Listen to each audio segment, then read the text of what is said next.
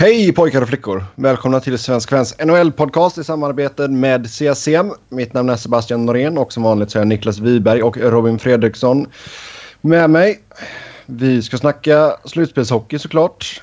Ehm, vi ska gå igenom samtliga matchserier men innan vi kommer dit så ska vi beta av lite smått och gott på nyhetsvägar. Och eh, Jonas Hiller har lämnat Calgary och signat ett treårskontrakt med bil i Schweiz. Och Niklas, det var väl nästan dags för Hiller att tacka för sig, eller? Eh, nej. Alltså det är Han har inte... fortfarande kunnat klämma ur ett tvåårskontrakt någonstans. Ja, det tycker jag. Men han har haft en riktig skitsäsong alltså. Mm, siffrorna karriärslåga. Ja. Eh, verkligen. Eh, men jag hade inte...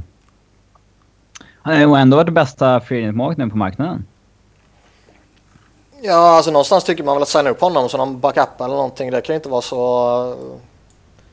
Ja, alltså low, Förmodligen stängs sitt marknadsvärde så pass mycket att han skulle eh, vara rätt billig. Mm. Och eh, ändå ganska potentially high reward där. Det Nej, kanske är roligt att fly- flytta hem och spela och en så kanske vara lite bättre och en så tjäna bra med pengar. Ja, Mm. klart. Sen vet man inte familjesituation och grejer. Man- Eventuella unga som kanske ska börja skola eller sådana saker och då vill man flytta hem. Exakt. Vad vet jag. Men det, jag tycker du- ju fortfarande att han skulle kunna klämma ur som Robin säger ett år eller två år på någon backup-plats någonstans. Jag menar, personligen så hade jag nog hellre gått hem till Schweiz och varit en starter. Jag kan väl inte säga att jag skulle föredra det ena eller det andra. NHL är NHL liksom. Sant. Men ändå. Nöta bänk. Ja, tveksamt. Ja, man Sen får rätt Toronto. bra betalt för det. Jo, det är sant. Det är sant. Nu vet vi inte exakt hur mycket han får i kompensation av bil, men det är nog inga struntsummor det är inte. Nej. Morgan, Morgan Riley och Nazim Kadri signade nytt med Toronto. Sexårsförlängningar på båda herrarna. Riley landar på 5 miljoner i cap hit och Kadri på 4,5. Eh, ska vi börja med Kadri? Är det en eh, bra deal för Toronto att få honom till en cap hit på 4,5? Ja, det tycker jag. Snarare Toronto som är vinnare än eh, honom. Ja, det håller jag nog med om. Eh, någonstans känns det väl som att det man ser är det man kommer få av honom. Eh, alltså att han kanske inte kommer, hans utveckling kommer väl inte skjuta i höjden direkt. Nej. Så det blir väl ingen sån här superfynd om två, tre år liksom direkt. Men jag ser väl det som ett bra kontrakt för Livs del. Jo, men vadå? Han kan ju göra ett fullgod jobb som en tvåa. Ja. Och 4,5 det är väl hyfsat rimligt där då. Sen Morgan Riley, 5 miljoner landar han på. Ja, eh, det är väl i det här skicket av unga topp 4-backar med hög potential som signar de här kontrakten. Det är en trend liksom. Mm. Eh, det är väl fullt rimligt på alla sätt och vis. Det landar någonstans mellan 4 och 5. Eh, Ja, alltså redan nu så han har ju redan gjort var det, tre säsonger med strax under eller strax över 30 poäng. Eh, bättrar han sig på lite, lite till och det är kanske inte helt omöjligt att han höjer sin poängsnitt när han blir lite äldre och lite bättre och så småningom kommer väl Leaves bli lite bättre de också. Så då är väl det här kontraktet ett väldigt bra kontrakt till och med kanske. Mm. Ja, vi får se hur Leaves lagbygge går där framöver. Eh, Edmonton ryktas göra Conor McDavid till kapten nästa säsong. Eh, spontant där Niklas, känns det inte lite tidigt? men Jo. vad har han för andra alternativ? Ja, ge det kortsiktigt till någon veteran eller någonting. Eh, Ja. Som hamnar i pressboxen som Ference. eller- Ja, man behöver inte lägga sig på den nivån såklart. Men någonstans tycker jag väl fortfarande att... Hendrix. Ja, alltså grejen är att McDavid han kanske är jättemogen och jättebra på alla sätt och vis. Men liksom lägga ännu mer sådär jättetydlig press på en snubbe i hans ålder, alltså en 19-20-åring. Som redan har, du vet, hela hockeyvärldens blickar och förväntningar på sig. Det tycker jag är att liksom det du kan undvika bör du väl försöka undvika. Mm. Det är väl ändå rätt... Alltså det är, organisationen det är lever ju eller dör med honom. Ja, det... alltså det är, det är rätt naturligt att han får det. Och han ska väl få det. Jag menar väl mest bara att liksom, det kommer ju inte på något sätt lyfta organisationen, tror jag, av att ge honom det nu.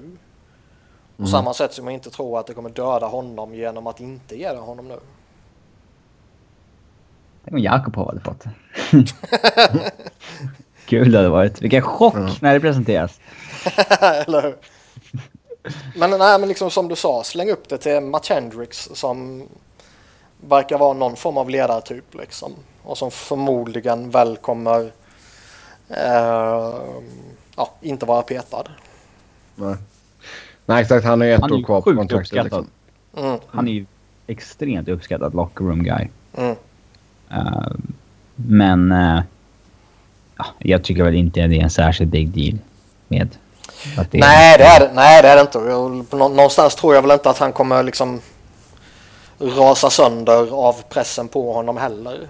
Men som sagt, kan man undvika att lägga ännu mer press på honom så tycker jag väl att man ska göra det när han fortfarande är så här grön och ung och allt vad det innebär. Mm. Nej, det är sant. Hur gammal var Landeskog när han blev kapten? Tar han rekordet av Landeskog om de annonserar det i sommar eller? Jag vet inte vem som är Colorado-snubben av oss. Nej, det... Ska vi se, han var är det jag eller är det du? Han var 19 år och 286 dagar. uh, Ja. Mm. Googla Då, McDavids kom, exakta ålder här nu. Ja, han är född i januari så att eh, så länge han eh, annonseras före säsongstart i princip så eh, blir ju McDavid yngsta genom tiderna. I så fall. Tror jag. Vad sa du att Landeskog var? Va? Hur gammal sa du att Landeskog var? 19 år och 286 dagar. 286 dagar, okej. Okay. Ja. Han tog mm. Crosbys rekord med typ 11 dagar eller något sånt där, här för mig. Mm. Ja, vi får väl se vad som händer där. Men eh, det hade inte varit någon chock direkt. Nej, det är, ju, alltså, det är ju givet att han kommer bli det. Man kan ju inte ge det till liksom, Taylor Hall eller en Nugent Hopkins eller någon annan av de där lite liksom, yngre. Som kanske skeppas. Ja, ja, men om man nu bestämmer sig för att behålla Taylor Hall och ge honom C för att sen ge det till Conor McDavid om två år. Det går ju inte. Nej. Eh, eller går, det är klart det går, men jag skulle inte tycka det är så vast lämpligt. Nej. Ja, vi hoppar in i slutspelsserierna med det och börjar i Western Conference. Där hittar vi Dallas. De leder 2-1 i matcher över Minnesota. Eh, senaste matchen var i måndags då Wild tog en 5-3-seger. Eh, spontana intryck av den här matchupen so far, Robin? Dallas, Minnesota. Så mm. är det. Det försvann. Dallas, Dallas Minnesota. 2-1 match i Dallas. Uh, jag kan maxa säga att en period eller någonting på den här matchen. Men uh, det är väl ganska så väntat att Dallas leder med 2-1 matcher ganska exakt väntad utgång, kan jag tycka. Mm. Eh, trots att man har saknat Sagan. Och den matchen han spelade var eventuellt inte fullt frisk heller. Med tanke på att han klev av till matchen efter. Mm. Um, men mm. eh, ja, högst väntat resultat hittills. Mm. Eh, Niklas, har du lite mer av den här matchupen än vad Robin gjorde? Uh, jag har nog sett pyttelite mer. Uh, men inte extremt mycket. Två perioder? ja, typ något sånt. Men uh, det är väl som man säger. Det, någonstans är man ju där man förväntar sig att den här serien ska vara. Och ja, kanske kan man på något sätt lyfta fram det som att det är en liten överraskning att Wild har vunnit en match. Men Samtidigt så kan man inte förvänta sig att alla de sämre lagen ska bli svepta liksom. Nej. Nej, det är sant. Um... De saknar, som de var inne på inför, de saknar Zach Parisi och då kan man inte ställa några krav på honom typ. Nej, nej, absolut inte. Det är, det är ett jäkla tapp för dem och det pratade vi om när vi gjorde vår preview också. Men eh, ja, 5-3 vinst i alla fall i senaste matchen. Det ger väl dem lite självförtroende. Ja, så är det. Men det ska väl som sagt det ska väl mycket till. Eh, nu har inte jag någon statistik för att backa upp det här men det känns ju väl som att det inte brukar vara så värst många matchserier där det bara blir fyra matcher. Uh, nej, svep är ju inte uh, jättevanligt. Speciellt inte nu för tiden. Mm. Vi kan få ett svep. Det, vi ska prata om det senare. Men vi kan få svep. Um... Käften. uh, om vi går vidare då till... Det, ja. det som är intressant, är intressantast här det är ju hur, hur Dallas kommer stå sig i ett längre lopp utan Tyler Seguin. Beroende på om han har fått ett bakslag och hur frisk han är och när han kan vara i gott slag igen och hela det köret. Mm. Det är ju verkligen inget gott tecken att han kan göra comeback och sen kliver av direkt. Nej. Och liksom, det är väldigt... I, i, nu förutsätter väl jag att de på något sätt kommer att ta sig förbi Minnesota. Men att då gå upp mot St. Louis Blues, förmodligen, eller kanske Chicago. Eh, utan sin ja, om man anser att han är bäst eller näst bäst, det är väl en smakfråga liksom. Men uh, utan honom kommer det bli skitjobbigt ju. Mm. Och då har ja, en... nej, vi får se. Han är ju day to day här Sagan. Ja, och då liksom har en Klingberg som uh, poänglös och lite sådana här grejer. Så det... mm, han har ju problem med uh, sin akilles. Ja, Segway också. Mm. Mm, Klingberg kanske vi... Det är väl lite noterbart att han inte har någon, någon, något poäng än. Ja, alltså det är tre matcher. Ja, man, man, kan säga matcher. någonting om tre matcher. Men visst, alltså vill du ha... Dina bästa spelare vill du ha igång i match 1 ju. Och han är ju en spelare som ska och som behöver göra poäng för dem. Mm. Ja, vi eh, rör oss vidare till St. Louis Blues, Chicago Blackhawks. Eh, Blues leder 3-1 i matcher. Eh, tog seger här igår natt, eller natten till onsdag. 4-3 blev det den matchen. Tarasenko. Ja, Tarasenko med två mål där. Det är bra snipes av honom och jäkla stökigt på slutet där. Vi kan väl plocka upp Andrew Shaw Uh, tappade helt i slutet av matchen. Också stökig. ja, väldigt stökig. Uh, kallar domaren för både det ena och det andra. Och uh, nu så tittar ligan in i om han ska ha någon bestraffning för det han sa. Ja, alltså får han inte det så är det ju jättekonstigt tycker jag. Uh,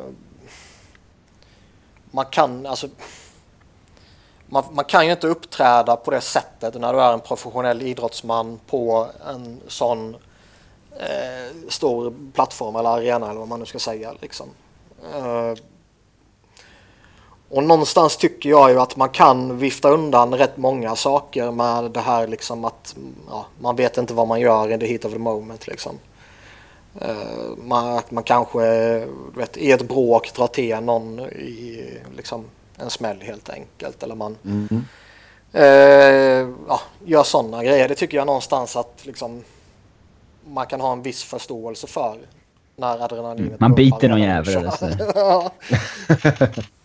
men, men liksom det är som någon skrev, liksom, jag, bara läste på Twitter, liksom att om det här är vad du spontant slänger ur dig när du är arg och irriterad och eh, vill förolämpa någon mm. så är det ju liksom någonting som du antingen sympatiserar med eller som du är van vid att säga eller som du liksom ja, som är normala saker för dig. Exakt. Vad har ni för go-to-svordomar? Ja, jag har inte så värst många rasistiska eller homofobiska svordomar i alla fall. Nej. Ska vi verkligen säga de här? Ja, jag, jag, jag, lägger, jag lägger på ett sånt där beep i efterhand. Ja, gör det. Det det är inte som man gör. Nej. Nej, Nej, men liksom har- grejen att man... Det, det är inte bara en grej han gör heller. Utan han gör det... Nej, alltså han visar fingrarna och grejer. Det är... Ja. Ja, det är liksom barnsligt och ovärdigt och korkat och liksom respektlöst och... Alla sådana här negativt klingande ord du bara kan hitta. Eh, det var väl Steve Dangle som skrev eh, att... eh, alltså det är många som säger vad Shaw sa, säger folk i sport hela tiden. Liksom. Ja, Ja. Och det är ju det som är problemet. Det är ju det där som måste bort. Liksom. Ja, det är ju därför man reagerar över det. Ja, det är Och liksom visst att liksom nå- någonstans så är det givetvis så att om eh, Andrew Shaw säger det här till en spelare i samband med en närkamp där de är upptryckta mot sargen eller någonting och ingen annan hör det så blir det ju liksom inte uppmärksammat av fullt naturliga anledningar liksom. Men när man gör det på ett sånt här sätt efter den avslutningen som han själv hade och som matchen hade och liksom allt man har gjort och sådär. Det tror fan det kommer uppmärksammas och det tror fan att ligan verkligen måste göra någonting åt det här. Mm. Och någonstans så känns det ju som att De inte kommer göra det. de inte kommer göra det ja, och att de kommer hänvisa till att det inte går att bevisa typ. För att Ehm, det, nej, men för, jag, jag, att det går att bevisa, men det är en Ja, annan men för, sak. för, jo, men det, det kanske inte finns någon ljudupptagning eller så finns det ingen som hörde någonting, du vet sådana grejer. Ja, Vill man hitta en bortförklaring till det här så kommer man ju hitta en bortförklaring. Jo. Det är ingen snack om saken, det är jag helt övertygad om. Eh, och vi har sett någon, någon liknande situation tidigare, både i NHL och i andra ligor så att säga, där man kanske väljer att blunda för saker för att man är feg eller man inte vågar ta ställning och sådana saker. Och Jo. jag, Ja, men alltså jag det- tycker ju som dig att det är väl inget snack om vad som yttras liksom. Men Nej. Sen samtidigt tycker de att de inte har några bevis. Ja, då, då, det, Nej, alltså, då tror jag de är enkelt för att argumentera för det. Alltså det drog ju lite alltså, tankarna till vad, nu ska vi inte prata fotboll här, men Jamie Vardys, eh, hans utbrott efter han blev avvisad, eh, eller utvisad i Leicesters match mot West Ham. Ehm, Jag vet inte vad som hände där. ah, han gjorde ju det lite mer extremt. Han gick ju upp till Jonathan Moss, pekade på honom och kallade honom för en effing C-word liksom. Ehm, men just det, alltså man får sådana utbrott och... ehm, nej, det tror fasen att det ska bestraffas. Det är Ja, ett riktigt jävla hjärnsläpp av show. Och Visst, jag förstår att man kan bli riktigt förbannad och det, det blir vi alla ibland. Men du får fasen fortfarande tänka dig för på vad du säger. Men blir jag förbannad på någon så kallar jag honom för en jävla idiot liksom. Jo, exakt. Vilket jag har sagt till er några gånger. Men, Mm. men eh, liksom homofobiska ord eller rasistiska ord eller liksom eh, andra sådana eh, Det hör inte hemma helt enkelt. Nej, det hör inte hemma någonstans ju. Och någonstans... Alltså det, är- det är ju verkligen jättemånga som tycker att detta är ett icke-problem liksom. Jo, absolut. De säger ju liksom att alla ska vara så jäkla PC och du vet sådär. Eller P- PK heter det svenska, på svenska. Um, Easy. Ja, political correct. Um, men alltså det är... Det är ett samhällsproblem liksom. Det är att liksom säga att folk tar anstöt av det. Liksom. Folk ska ta anstöt av det för det är inte okej. Men det som sätter en liten eh, ytterligare twist på det här det var ju att Chicago för några veckor sedan bara gick in i samarbete med You Can Play-projektet typ som är en sån här Ja, organisation mot homofobi och grejer. Ja. Eh, där de verkligen målar upp det som att oh, så här får man inte göra och det här är fel och det här är bla bla bla. Liksom. Vilket det givetvis är och som alla vettiga människor förstår ju. Eh, så jag, jag, jag, nå, någonstans tycker man att om du inte ser att det här är ett problem så är du ju på riktigt dum i huvudet.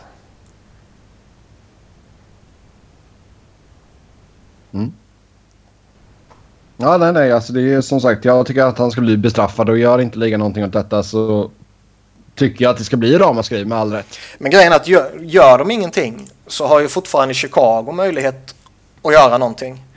Men med tanke på att de ställde sig bakom Patrick Kane när han var våldtäktsmisstänkt så liksom har jag ju svårt att se att de nu kan ställa sig bakom Andrew Shaw. Mm, eller eller inte ställa sig bakom menar jag ju. Mm. Ja, det har varit en bra säsong för Chicago. Visst är det lättare att klippa Shaw än att klippa Kane? Ja, det är det. Men de är ju jävla hycklare. Ja då. Precis som Kings var med ja, ja.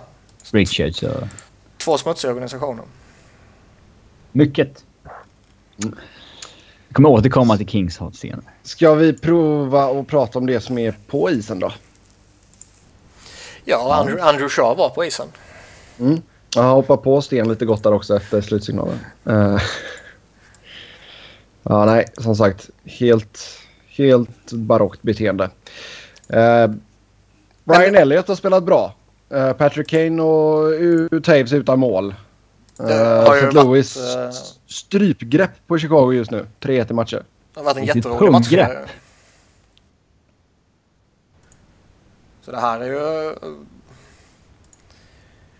alltså nå någonstans så vill man ju verkligen, verkligen se Blues åka i första rundan. Och skulle de tappa 3-1 till 3-4 nu så skulle ju liksom potentialen för att Armstrong verkligen går bananas skulle kunna vara rätt stor.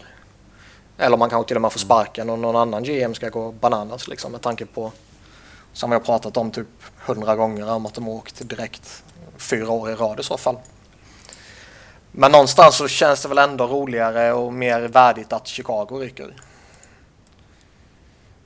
Chicago och Los Angeles, de behöver bli obetydliga igen som det var förr i tiden. Det var bättre då. Mm. Alltså vi kan ju, alltså hur mycket tror ni att det spelar in att Chicago har spelat så jäkla många matcher? Alltså får vi, det, detta verkligen beviset på det nu att det är... Jag tror det är en ytterst liten faktor faktiskt. Okay. Jag tror det är en faktor och sen om du kombinerar det med att liksom dina bästa spelare kanske inte har varit bäst och du möter ett bra lag och så vidare. Så allting gemensamt eh, gör väl att Blues har en rättvis ledning känner jag. Mm. Eh, men jag, jag, tycker ju fortfarande att det är liksom en, en grej det handlar väl mer om att Blues inte... Eller jag menar, det handlar väl mer om att Chicago inte är lika bra i år helt enkelt. Än att men det kan liksom de är ja. trötta. Jo, så är det. Men jag, jag, tror fortfarande det är en faktor. Jag menar, du kan inte spela så mycket som de har gjort utan att det någonstans kommer påverka dig. Det är jag helt övertygad om. Och mm. med tanke på hur många bra lag det finns i Western så kan ju en sån faktor göra liksom att du åker redan i en första runda. För Blues Chicago är ju, det kan lika gärna vara konferensfinal liksom. Mm, absolut. Mm, och nej, som sagt, Brian Elliott hade en riktigt... Han har varit vass. Um, och jag menar med, med tanke på också hur mycket Chicago lutade sig på Patrick Kane under grundserien liksom. Um, och att han inte får det att stämma nu heller. Det är klart att det sätter dem i en jävla sits. Ja, liksom Andrew Ladd har inte gjort någon nytta och Marian Hossa har bara gjort en assist och så vidare. Liksom, så. Det är väl inte bara Keynes fel liksom. Nej. Mm, något annat vi vill eh, lyfta fram från Blues Blackhawks kanske i positiv bemärkelse? Eh, positiv är det väl högst tveksamt om det är egentligen. Men det kan ju vara värt att notera att hästen Steve Ott har gjort comeback nu efter att ha varit borta sen i november eller december. Mm. Rätt in i slutspelet. Ja. Mm. Kör bara. Ja, nej, som sagt. Tarasenko med två mål där. Duncan Keith, eh, två mål för Chicago. Ja, nej, men han är skitbra. Ja. Sista målet där, det tog en jäkla konstig studs på Tarasenkos klubba och så gick den in i en båge. Det var snyggt. Ja, Eh, vidare. Anaheim. De tog en 3-0-seger mot Nashville. Eh, Nashville leder 2-1 i matcher. Uh, Fredrik Andersen med shutouten där för, för Anaheim. Och uh, Jamie McGinn gjorde mål för Anaheim. Det gillar Robin. Okej. Okay. Du är fan av Jamie McGinn, det vet vi. Jag ville ju att jag skulle trade honom i och för sig, men... Ja. Ja, men du gillar honom. Sen gjorde även Rickard Rakell och Chris Stewart mål för Anaheim. Så uh, mm, de behövde inte Getzlaff och Perry denna. Ska du säga att det var Gibson som stod första två matcherna men sen har petats? Mm. Japp. Uh, uh, så nu bör ju slutspelet vara Andersens. Se hur det går. Uh, ja. men ja, jag hade väl trott att Eh, Anaheim skulle vinna den här matchserien, men det är samtidigt bara tre matcher. Det hade lika gärna kunnat stå 2-1 matcher till Ducks som att står till, äh, som att stå till Preds. Så det är väl mm. ingen big deal så egentligen. Men eh, förvånansvärt att Ducks problem med scoring fortsätter så... Eh, om någonting hade man kanske trott på en ketchup-effekt nu i slutspelet, men de fortsätter jävla svårt att göra mål alltså. Mm. Mm. Ja, vi får se om de kan få det att lossna. Mm. Filip Forsberg har tre poäng. Han har kommit igång. Hot. Jag har faktiskt inte sett en sekund av den här matchen. Funderar på om jag har gjort det. Uh, Eller rättare sagt, jag, jag, jag, jag har sett highlights. Så mer än en sekund har jag väl sett om man nu räknar på det mm. sättet. Men uh, några matcher har jag inte sett. Mm, jag såg för, Ja, alltså jag, jag känner spontant att jag hoppat runt alldeles för mycket. Alltså det är ju så första rundan när det är så jäkla ja, många matcher alltså som pågår. Det är, det är inte optimalt. Alltså man hoppar en period hit och två perioder dit. Och, nej, det har inte varit optimalt. Sen har jag lyckats somna ett par gånger också. Så jag såg mm. först, första perioden i, igår kväll av Ducks Preds och sen somnade jag. Hur kan du somna? Matcherna går ju på normal tid hos dig. Nej, alltså de sena oh, matcherna... Nej, bör... De sena, de sena matcherna börjar i väst eh, 10.30 min tid. Eller 22.30. Stackarn. Stackars dig. Ja, så då blir det blir lite tufft ibland. Kan man hålla igång äh, över midnatt liksom? Ja, igår, igår, igår var jag riktigt trött. Uh, för Ducks Preds började 9.42 var det nedsläppt. Oj, oj, oj, oj. Jag var så jäkla trött så jag somnade tidigt igår. Oj, oj, oj. Det ska mm. sägas då att du inte har något jobb just nu, så du har inte gått upp sju på morgonen heller. Uh, jag går upp sex varje morgon. Varför då? Hundarna. Ja, men du går och lägger dig sen igen. Nej. Jo. Nej, det gör jag inte, lilla Robin. Varför inte? Då måste man ju undra. Nej, bara svårt att somna om. Så det blir att jag stannar uppe, tar en kopp kaffe, sätter mig och skriver lite. Sex varje dag? Mm. Varenda dag. Måndag till söndag. Ja, du kanske ska passa på att sova nu innan du får unge. Nej, det blir väl bara more of the same liksom. Att jag får sova ännu mindre. Ja. Så eh, det var det Det är tur man har kaffe. Gevalia. Är väl lite plugg till dem också. Vidare då i väst. Uh, Kings Sharks. Sharks ledde 2-1 i matcher. Kings tog senaste matchen 2-1 efter mål i övertid av Tanner Pearson. Oh, det hade ju varit så kul om Sharks hade gått upp till 3-0 i matcher där. Dels för att man hoppas att Sharks ska vinna och dels för att då hade vi haft exakt samma utgångsläge som i fjol. Mm. Då hade ju nästan Sharks blivit rädda liksom. För att shit, nu har vi 3-0 igen. nu, nu får vi inte tappa det igen liksom.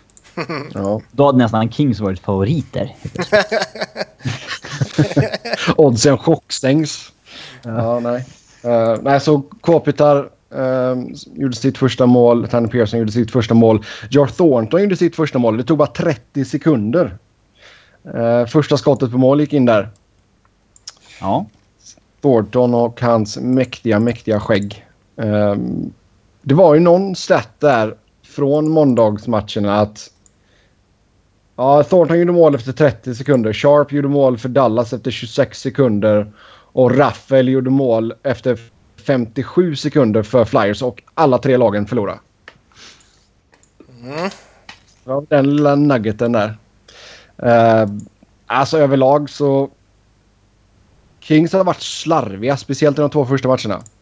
Uh, Samtidigt som Sharks självklart har spelat bra, men lite väl mycket individuella misstag av Kings som har kostat dem. Så har Kings ett gäng gamla gubbar också som inte hänger med. Mm. Marian Gaborik är tillbaka efter skada. Uh, det är en gubbe där och sen har man ju även Vinil Cavalier och Rob Scuderi. Ja, och några till. Vem tror du har sämst kurs i, i uh, Kings av forwardsen? Ja, du. Jag vet inte. Säg. Det finns väl bara ett alternativ. Verstig. Och sen är det Le Cavalier och sen Dustin Brown. Mm. De, har de spelat samma kedja eller? Uh, jag vet inte exakt. De har ju fipplat runt med kedjorna som fasen. Jag tror uh. Vinny och Verstig har lirat tillsammans. Ja, det känns som en bra kombo. Ja. Och uh, Vinny har ju fortfarande en bedrövlig uh, Corsi relative to teammates. Mm. Uh, Chockerande nog så är han fortfarande ett svart hål i laget trots att folk verkar tro något annat. Förvånande nog så är Kings två sämsta backar sämst corsi också. Scuderi och Doughty.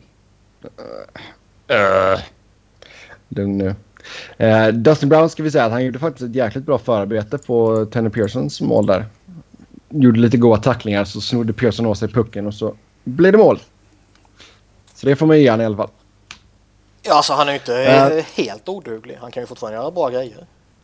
Ja, tacklas kan han göra.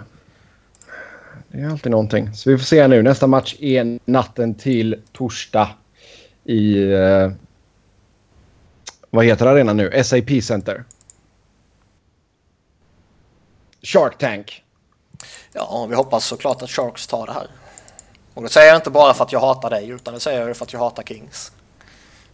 Ja, det är inget personligt alltså. Nej. Alltså bara. ja, Fan vad Burns har blivit bra. Alltså han är ju mycket bättre än han var för några år sedan. Nu är han ju en dominant back i ligan.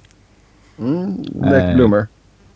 McLellan fick ju ganska mycket cred när han lyfte upp honom som forward. Så, ah, han hörde ändå aldrig hemma på backen här. Men mm. eh, han är ju utvecklats till en av ligans absolut bästa backar nu. Sitter i skägget? Nja. Jo. Thornton. Alltså, både, han, både, både, han och Thorntons skägg ja. är ju helt... Alltså, Thornton och magi mag magiska på ett sätt men bedrövliga på ett annat sätt. Vad, hur har förresten Tyler Foley varit? Det är annan sån här som inte har gjort några poäng. Nej, hyfsat osynlig faktiskt. Han var uh, helt OK i grundserien. Mm. Nej, alltså jag tycker framförallt... Alltså båda toppkedjorna har varit ganska dåliga. Drew Dowdy tämligen oduglig som vi konstaterade. Han gör vad han kan. Ja, uppenbarligen kan han inte så mycket. ja, nej, vi får se. Vi får se. Keep talking, keep talking. ja, det kommer jag göra. Ja, visst. Gör det, gör det bara. Gör det bara. Um, nej, så vi får se nu vad som händer. Alltså, jag menar, tar, tar Kings en till bortaseger här så är det ju definitivt game on. Tror du fortfarande på Kings? Vad tippade du? 4-1 till Kings va? Mm. Så den är ju körd. Mm. Men du tror fortfarande på Kings? Ja, det, ja, ja, det är klart man gör det. Eh, så pass eh, mycket faith har jag ju. Men är det faith grundat på hjärtat eller hjärnan? Nej, det är väl lite av båda. Det är, självklart är det mest hjärta, men det... det... Ja, så då in, man ska inte ta det seriöst alltså. Nej, men jag tror, jag tror det var nog viktigt för Kopitar att göra mål i alla fall. Uh, får se om man kan trumma igång här nu. Alltså, Quick? Man, man, man, kan ju aldrig räkna bort Kings ju. Tyvärr. Nej. Quick, Quick har varit helt okej. Han gör sina idioträddningar liksom. Han gjorde ett par kalas. Alltså jag fattar inte hur han klarar av dem. Alltså han går ju verkligen ner i total, alltså vad heter det, spagat. Split. Ja, trots att han inte ens behöver det ibland. Alltså det är helt galet. Han måste måste ju ha de mest flexibla ljumskarna i hela jävla världen. Ja, det var någon som uh, sa att han är ju en... Uh, han är ju som en... Uh, du vet när man spelar NHL online och någon styr målvakten själv. det är quick.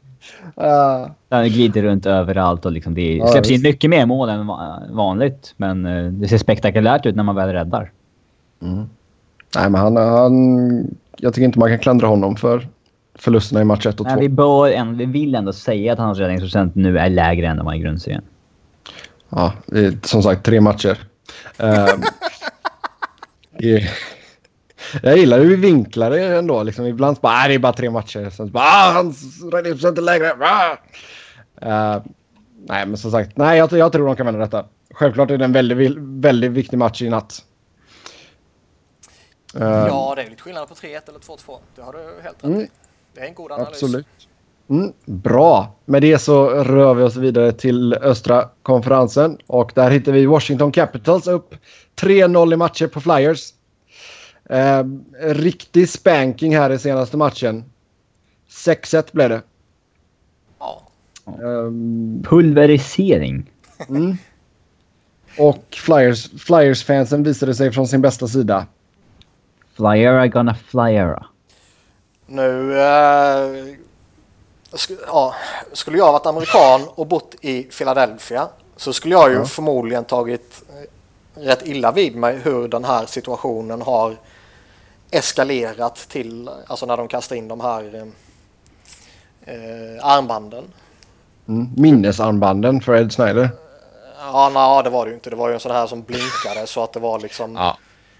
Så de, de var ju inte dedikerade till honom utan det var ju för att göra en ljusshow eller vad man ska säga.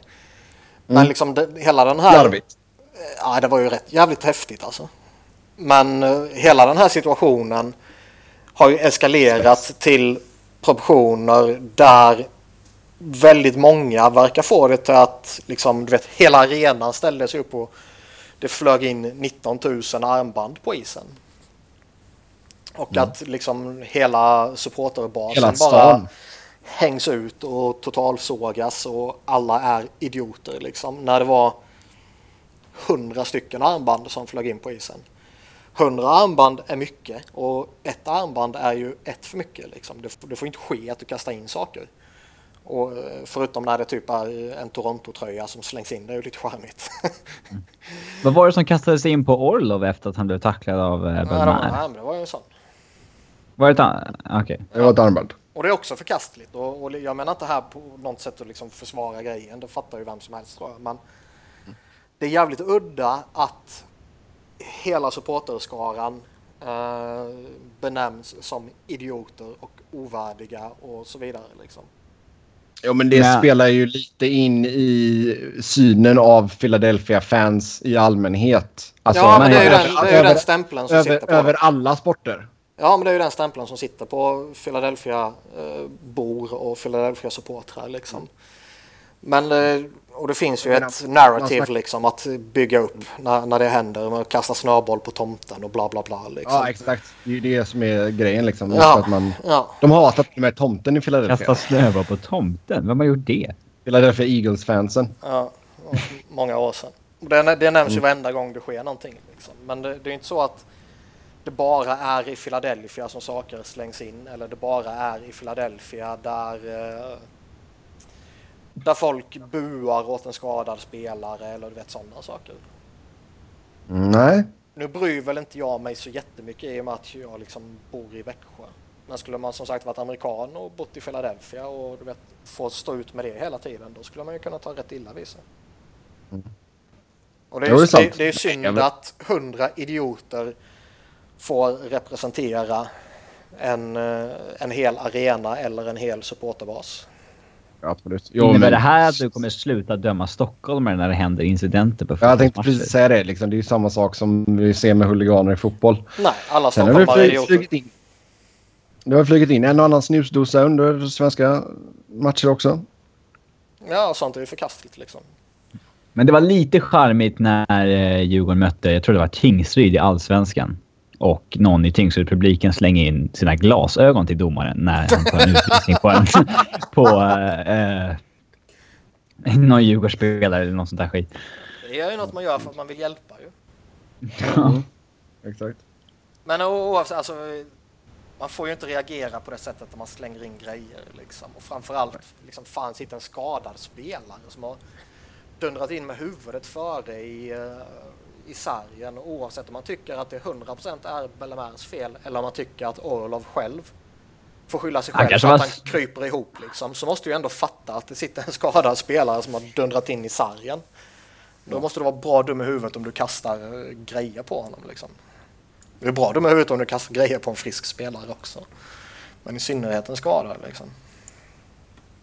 Mm. Vad är det? Vi har fått en fråga i chatten om LA's maskot i match två. Vad var det? Uh, ja, vad hittade Bailey på? Det såg jag faktiskt inte. får David expandera. Ja. Mm. Bailey kan ju hitta på lite grejer ibland. Uh, är det, är det... Skäms att jag kan namnet på honom, men ja, ja. Uh, Om vi tittar till matchen då, 6-1 eh, senaste matchen. Um, alltså ser du någon chans för Flyers att ens ta en match? Vad säger du om att Dave Hackstall kastar Steve Mason under bussen och slänger in Michael Neuwert i match 4? Alltså grejen är att det egentligen bryr jag mig inte så jättemycket om.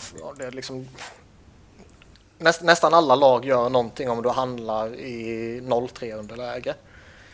Uh, så, det, så det gör mig inte så jättemycket egentligen. Uh, däremot så är det ju på inga sätt Steve Masons fel att man ligger under med 0-3. Visst, han släppte in det här jävla målet från uh, Jason Chimera liksom och han har släppt något, ja. något, något mål till som han liksom, ja det, det ska han kanske ta. Men uh, det är inte så att det är han som har dödat Flyers. Och det är inte så att han har varit överjävligt dålig heller liksom. Jag tycker snarare se... att man kan se kanske tendenser till att han ser väldigt slutkörd ut. Uh, jag ska se efter vad han... Uh, det är kanske inte många som vet det, men 5 mot 5 så har ju Philadelphia ett ganska tydligt övertag på Washington vad gäller Corsi och sådär. Men fem... man har ju blivit... Ja, men man har ju blivit fullständigt nerpissade i special teams. Alltså Ja, ja, fem mot fem har man eh, liksom, vill, man vara... Ja, dominerat. Nej, inte eh, dominerat. Men man har varit bättre än Washington. Ja, varit det bättre laget. Det är inget snack om saken. Och eh, liksom... Någonstans är det ju, vinner du fem mot fem spelet så ska du ju vinna en matchserie. Mm, men inte om du släpper in varenda penalty kill. Nej, alltså, och, i, och i synnerhet... I period tre senast så var det ju parodi. Liksom. Ja, och, men framförallt när du själv inte gör några mål liksom. Ja, Flyers har väl haft 12 PP utan mål. 13. Och 13 alltså. Oj, oj, oj. Och eh, nej, men de har gjort två mål på tre matcher och det finns på riktigt folk som skyller på Steve Mason. Alltså han har ju 85 i räddningsprocent så det är väl inte så konstigt att vissa liksom tittar på honom. Men... Nej, alltså det, det är klart att man, han inte ska komma undan. Det är inte det jag menar. Men folk målar upp det liksom som att det är Steve Masons fel att vi är i den här situationen. När vi som sagt två mål på tre matcher. Du ska ju, det ska ju något galet till om du ska ha chans att vinna en match om du gör två mål på tre matcher. Mm. Han har 90,91 i räddningsprocent när det är 5 mot 5. Mm. Det är respektabelt ändå, även om det är inte något som bär genom en slutspelsserie mot Washington. Liksom. Men, eh, Nej, alltså grejen är ska, ska, ska Flyers vinna mot Caps så måste ju han vara top. Eh, på topp. Ja. Och, Bättre än Holtby framförallt. Ja, Holtby har ju varit fantastiskt duktig. Ja. Han uh, har gjort några tokräddningar och allt sånt där. Men fortfarande tycker man det är konstigt att liksom man, man, kan gå 13 PP i en slutspelserie utan att göra något mål. Att det inte ens slinker in någon jävla slumppuck liksom. Och jag tycker det... Det är sånt som kan hända över tre matcher. Liksom. Jo, mm. men jag tycker liksom också man ser att man verkar inte satsa lika hårt på att sätta upp Shane Ghostesbehör för skott längre liksom. Och jag har för mig att han och Claude Giroux tillsammans har ett skott eller två skott på mål, alltså ett skott vardera. I, I PP, vilket givetvis inte är okej okay, med tanke på att det är våra två största hot. Mm. Uh, och, och, som sagt PK har ju varit fan ännu sämre. De... Ska sägas att uh, Mason hade extremt dåliga siffror i PK i uh, grundserien också. Ja, hela laget har varit odugliga där. Ja, men det. Ibland så vet man inte riktigt. Visst, man, man släpper in mycket mål i PK. Men om man inte så granskar det supernoga så uh, vet man ju ibland inte om det är egentligen bara att man har en målvakt som inte är så bra. Eller om det är PK som är kast. Liksom. Nej, nej, så är det. Samtidigt var ju Mason ligans bästa målvakt i 5 mot 5. Ja, men... Så det är ju inte hans fel. Det är jag helt övertygad om. Nej, men alltså... En, alltså väl... Strax över 80 procent i PK. Under hela grundserien liksom. Ja, men det är det jag säger. Han, han är inte felet i PK. Och framförallt inte mm. de här tre matcherna liksom, där du ser att de, de ställer upp sig antingen i en box eller i en ja, vriden box eller vad man ska säga. Liksom. Och sen står de stilla där och tittar. Och, och låter Bäckström och Kuznetsov göra vad de vill med pucken. De låter Ovechkin stå och skjuta. Och de låter spelare stå helt eh, fria framför Mason utan att ens försöka knuffa bort honom eller försöka mm, liksom låsa upp hans klubba eller sådana saker. Och de verkar inte vara så jätteintresserade av att ställa sig i skottlinje förutom Nick Schultz har faktiskt offrat sig rätt saftigt mot uh, Ovechkin. Han har fått många skott på sig. Men i övrigt så är de ju typ, bryr de sig inte om att täcka skott heller. Alltså, man ska väl inte säga uh, shotblocking som sin huvuduppgift, men möter man en jävla Ovechkin då måste man ju faktiskt ha någon som är beredd att ruscha på honom när han laddar kanske. Mm. Mm. Uh. Och där har faktiskt Schultz varit rätt OK. Men sen kan du inte ha en liksom ibland står han nära målet, ibland står han långt ifrån målet. Och liksom forwards har ju låtit honom operera helt ostört när han står lite längre ifrån. För du kan ju inte ha en Nick Schultz som åker upp till du vet, toppen av teckningscirkeln typ. Nej. Mm. Uh, eh, vad tror du då? Tror du de kan ta en match här i alla fall? Ja, det är klart man kan vinna en match. Liksom. Det räcker ju, som sagt, de har ju övertaget fem mot fem. Och liksom, helt plötsligt bara slinker in ett mål i powerplay och så får man ketchup-effekt. Liksom. Så jag bryr, jag bryr mig inte så mycket att man torskar eh, mot Caps liksom. Men jag vill fan inte att man ska bli svepta. För det är ju lite förnedring. Nej. Slutspel, mm. Slutspel den här säsongen är ju, liksom, det är ju en bonus liksom. Mm. Eftersom Neuvert har varit en av ligans bästa PK-målvakter så blir det intressant att se om det blir någon skillnad. För om jag känner godaste grabbarna rätt så kommer det tas en del utvisningar i I match fyra också. Ja, men det är, det är också en sån här grej som har varit jätte... Liksom, du, du kommer alltid få utvisningar emot dig. Det kommer alltid vara någon hakning och någon interference eller du vet sådana saker. Det, det kommer man ju aldrig ifrån. Framförallt inte när du möter duktiga spelare. Men när du flera gånger om tar sådana här dumma saker, tacklingar bakifrån och, och liksom verkligen meningslösa saker och du redan vet att du har ett PK som inte är jättebra direkt. Liksom, vad fan håller du på med? Har det sagts något om Belmer eller? Alltså... Eh, om han ska ha en hearing eller sådär? Ja, han har blivit avstängd i en match. Ja, en match. Ja. Mm. Gick på Ronix linje alltså? Eh, jag minns inte vad Ronix sa. Han sågade Belmer fullständigt och sa att det här måste bort från... Och så sa han en match avstängning. Ja. Det är bra. Nej men alltså grejen är att det, det, det, har ju debatterats rätt flitigt liksom och, och någonstans så folk eh, pekar ju typ lite på, på att Orlov liksom får skylla sig själv typ för han kryper ihop lite när han har en snubbe i ryggen och det är klart det finns ett visst ansvar på, på spelare i en sån situation att man liksom inte ska krypa ihop och man inte ska göra sig själv sårbar. Det tycker jag. Men jag tycker också att Bellemare inte ska göra på det sättet och jag tycker väl att den, den här bestraffningen är väl rimlig. Personligen tycker jag att det borde ge fler matcher. Men det har jag räntat om rätt många år nu. att mm. bestraffningsskalan är för liten. Och skulle det här skett i grundserien så skulle det, han kanske fått två eller tre matcher. Han har inte varit avstängd förut va? Uh, nej, jag tror inte det. Men liksom vi vet att ligan behandlar en, en matchs avstängning i uh, slutspelet som på en liksom ja, som två eller tre grundseriematcher. Mm. Så med tanke på hur det har sett ut tidigare så tycker jag väl att det här är rätt rimligt. Mm. Ska vi gå vidare? Ja. Mm, jag tar det som ett ja. Då går vi till Florida och New York Islanders. Där uh, Islanders leder 2-1 i matcher efter en 4-3 vinst i overtime uh, natten till måndag. Här är den matchen jag faktiskt inte har sett en enda sekund av. Kan man säga. Jag har tittat lite, men enda anledningen till att man tittar på det här det är ju Jäger ju. Ja, man byter kanal så fort man åker på byte. Ja.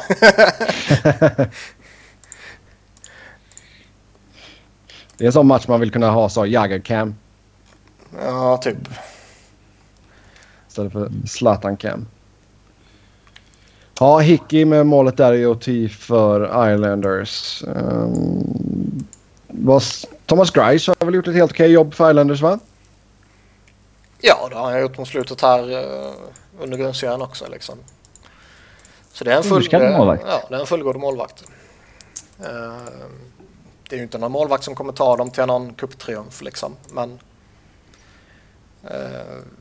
Islanders bör ju kunna ta sig förbi Florida utan några problem. Samma sak kan man ju andra sidan säga om, om Florida också. Det beror på lite vilka spelare som presterar och sådär liksom. Mm. Det som jag tycker är jävligt märkligt är ju att de börjar med back-to-back. Inte ens tänkt ja, Det händer väl inte sådär jätteofta? Nej, nu, nu liksom, eh, jag läste någonting om att de, jag tror de spelade torsdag, fredag.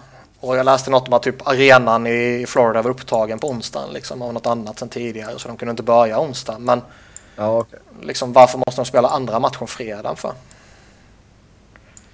Och det tycker jag, det tycker jag är lite udda liksom att, eh, att man hamnar i en sån situation direkt.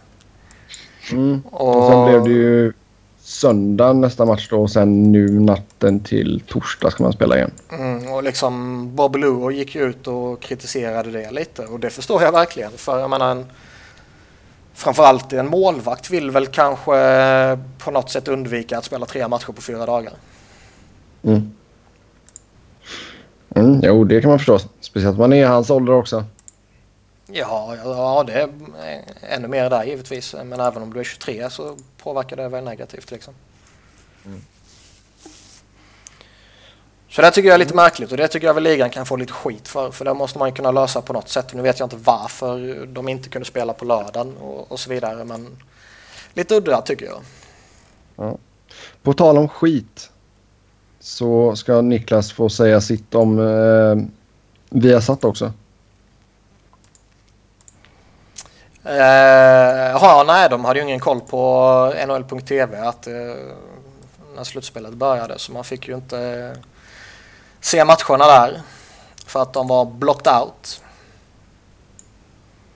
Och i vanlig ordning så verkar ju inte Viaplay se det som ett problem att man inte får det man betalar för. Mm. Så du gick på en Twitter-rant?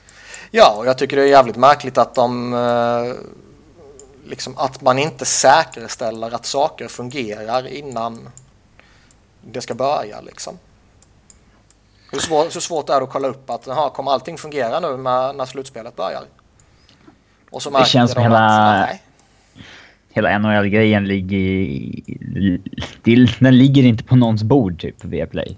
Känns nej. det inte som. Nej. Det är liksom...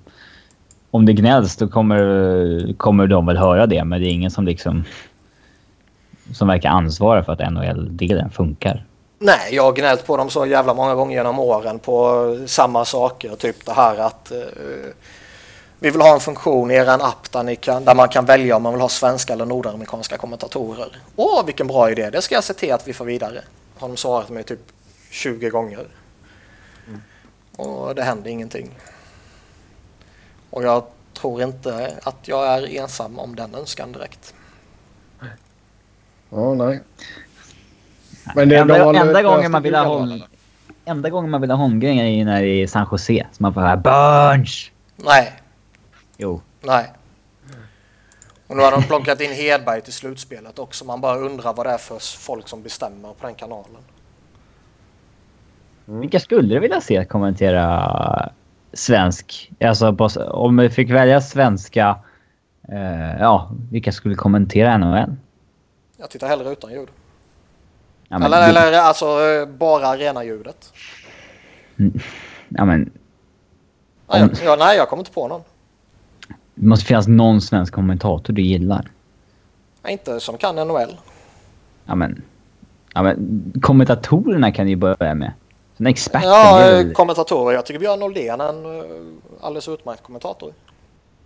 Kompetent snubbe va? Ja, men eh, liksom kan han NHL? Mm, jag vet inte. Det är väl inte det primära för den snubben att ha det som huvud. Nej, men, nej, det håller jag med om. Men man måste ju kunna det. Men han tycker jag är ett exempel på en alldeles utmärkt svensk kommentator. Och han skulle förmodligen kunna göra det bra. Men eh, jag kan ju inte komma på en enda så kallad expertkommentator som jag skulle sätta mig och lyssna på. Hmm.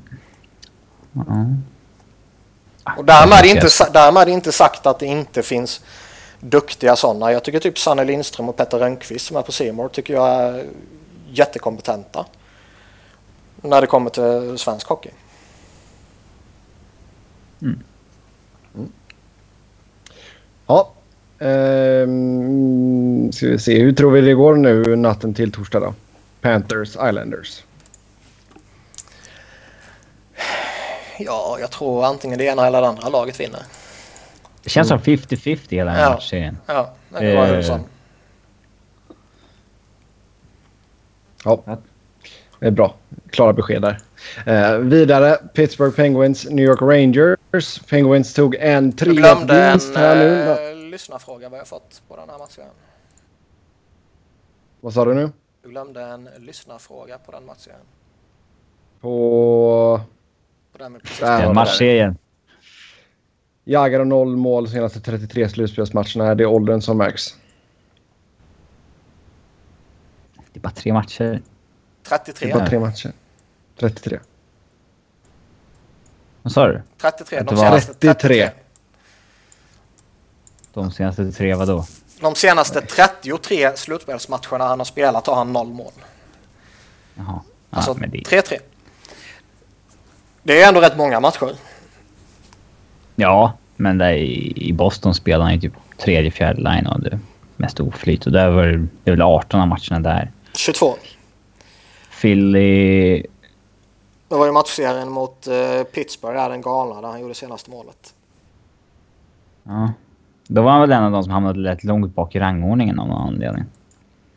Uh... Ja, alltså där, han, han såg ju betydligt äldre ut där då. än vad han gör nu. Mm. Nej, men det låter kanske märkligt, men jag tror man kan avskriva det mest som lite eh, packlack problem där med just vad gäller målskytte. Alltså, han har inte slutat göra mål i grundserien och han är ingen så här playoff choker direkt. Så att... Nej, och de senaste åren har han ju inte varit liksom den där utpräglade målskytten direkt heller. Nej, så vi kan slå fast Jagr är inte på nedgång. Han spelar sin livshockey. Ja. Mm. Med det så går vi vidare till Pittsburgh och Rangers. 3-1 vinst för Penguins nu senast. Um, ska vi börja med Chris Latangs uh, slashing i ansiktet på Stålberg? Bli, Typiskt Göteborg att filma sådär. Alltså, ja. han träffar honom lite grann på kinden bara. Och han håller sig för ansiktet. Ja. Uh, Robin försöker vara rolig här men det går inte så bra. Uh, Sebbe tog illa upp. Märkte du det Robin? men det är Gott, ja, gott sprucken läpp där på Stålberg. Um, vet han säkert själv. Visa domaren sen. ja, eller Men eh, ja, det blir inte ens ett hearing för Latang och han ska göra minst fem matcher tycker jag. Ja. Alltså jag tycker att den här är värre än Keith. Den är en enhandssving i liksom frustration. Han är en tvåhandssving med liksom bestämd blick att nu ska jag fan hugga den killen i ansiktet. Så ja, att, eh, tittar ju rakt på honom innan han gör det. Det är det som är det sjuka. Han ska minst ha lika många matcher som Keith då. Det var ju sex och jag tycker att den här är värre så den ska väl... Ja. 8, 9, 10 någonting tycker jag han ska ha. Ja, jag fattar alltså Alltså det är uppenbart slag mot huvudet och han tittar på spelaren innan han delar ut slaget liksom. Hur, hur fan kan man släppa det? Jag fattar det inte. Ja, nej. Och grejen är att man liksom... Jag, jag brukar ju skämta om att liksom... Eh, de skyddar Pittsburgh och håller dem eh, liksom under en eget regelverk och allt sånt här. Och det är ju bara skitsnack liksom. Det, det tror jag alla fattar. Men efter den här så börjar man ju seriöst fundera på om det kanske är på riktigt.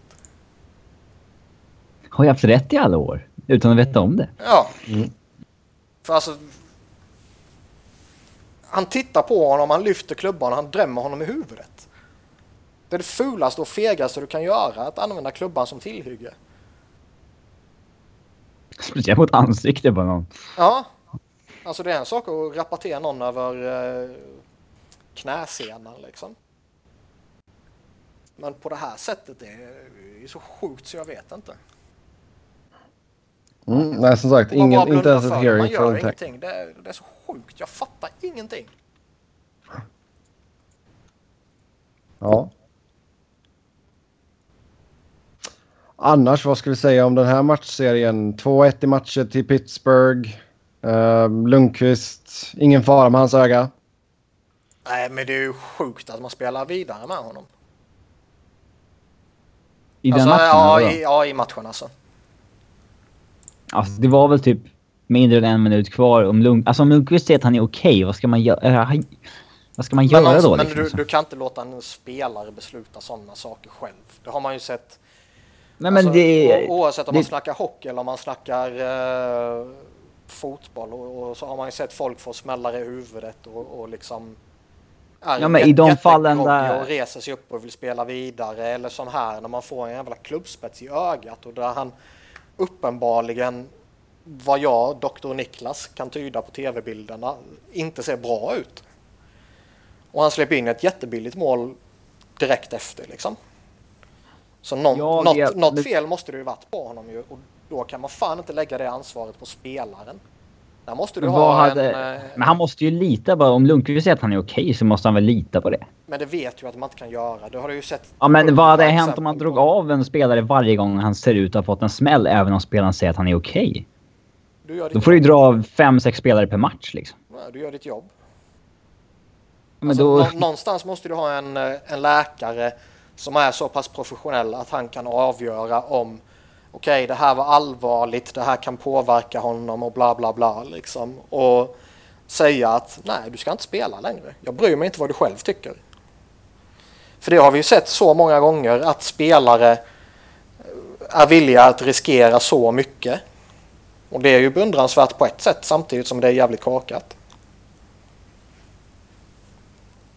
Jag förstår ju vad du mm. menar, liksom att om spelaren säger att han är okej okay, så måste man kunna lita på honom. Absolut, i den bästa av världar så skulle man kunna göra det. Men som sagt, vi har ju sett flera gånger om att man kan inte det. Ja, men ska man då börja ta av en spelare varje gång han fått en smäll?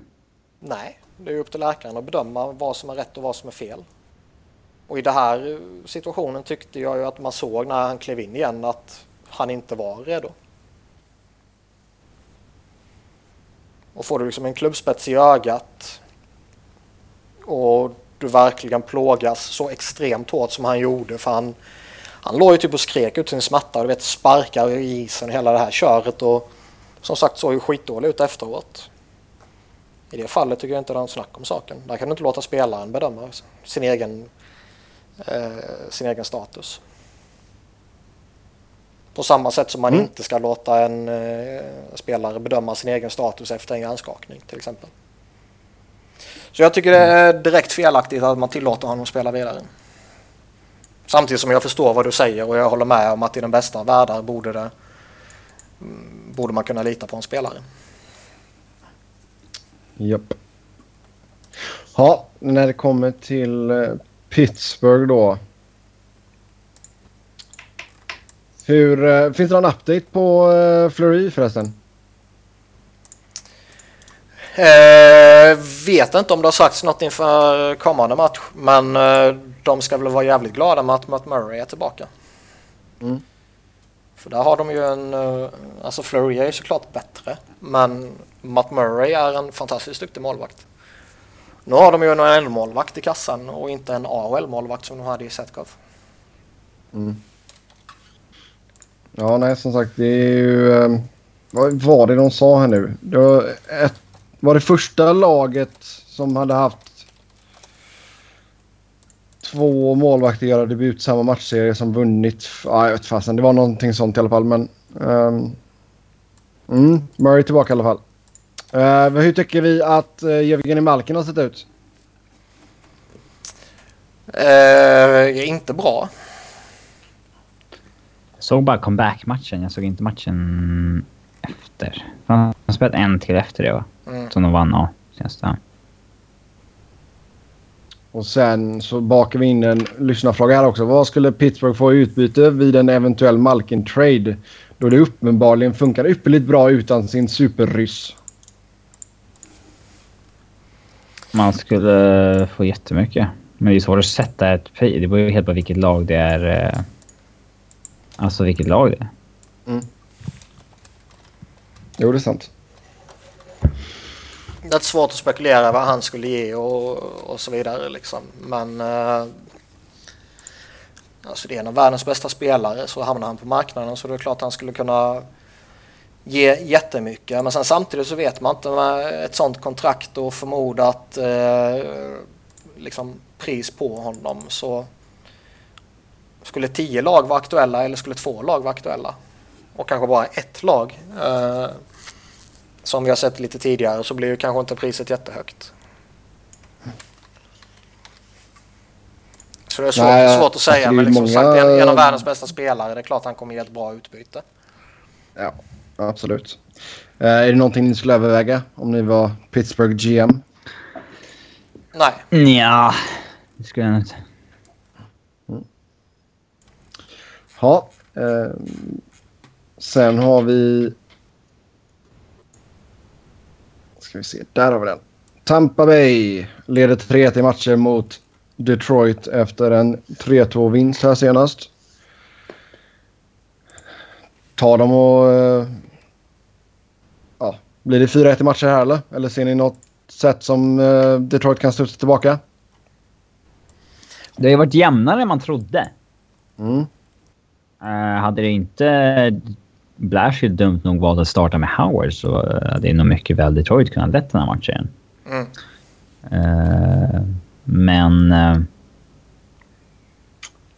um, det kan... Klart att det kan bli 4-1 och det kan också... Det ska nog mycket till om Detroit ska vinna tre raka, så det är nog rätt kört på det viset. Men visst kan mm. Detroit ta en match eller sådär innan Tampa steal the deal. Mm.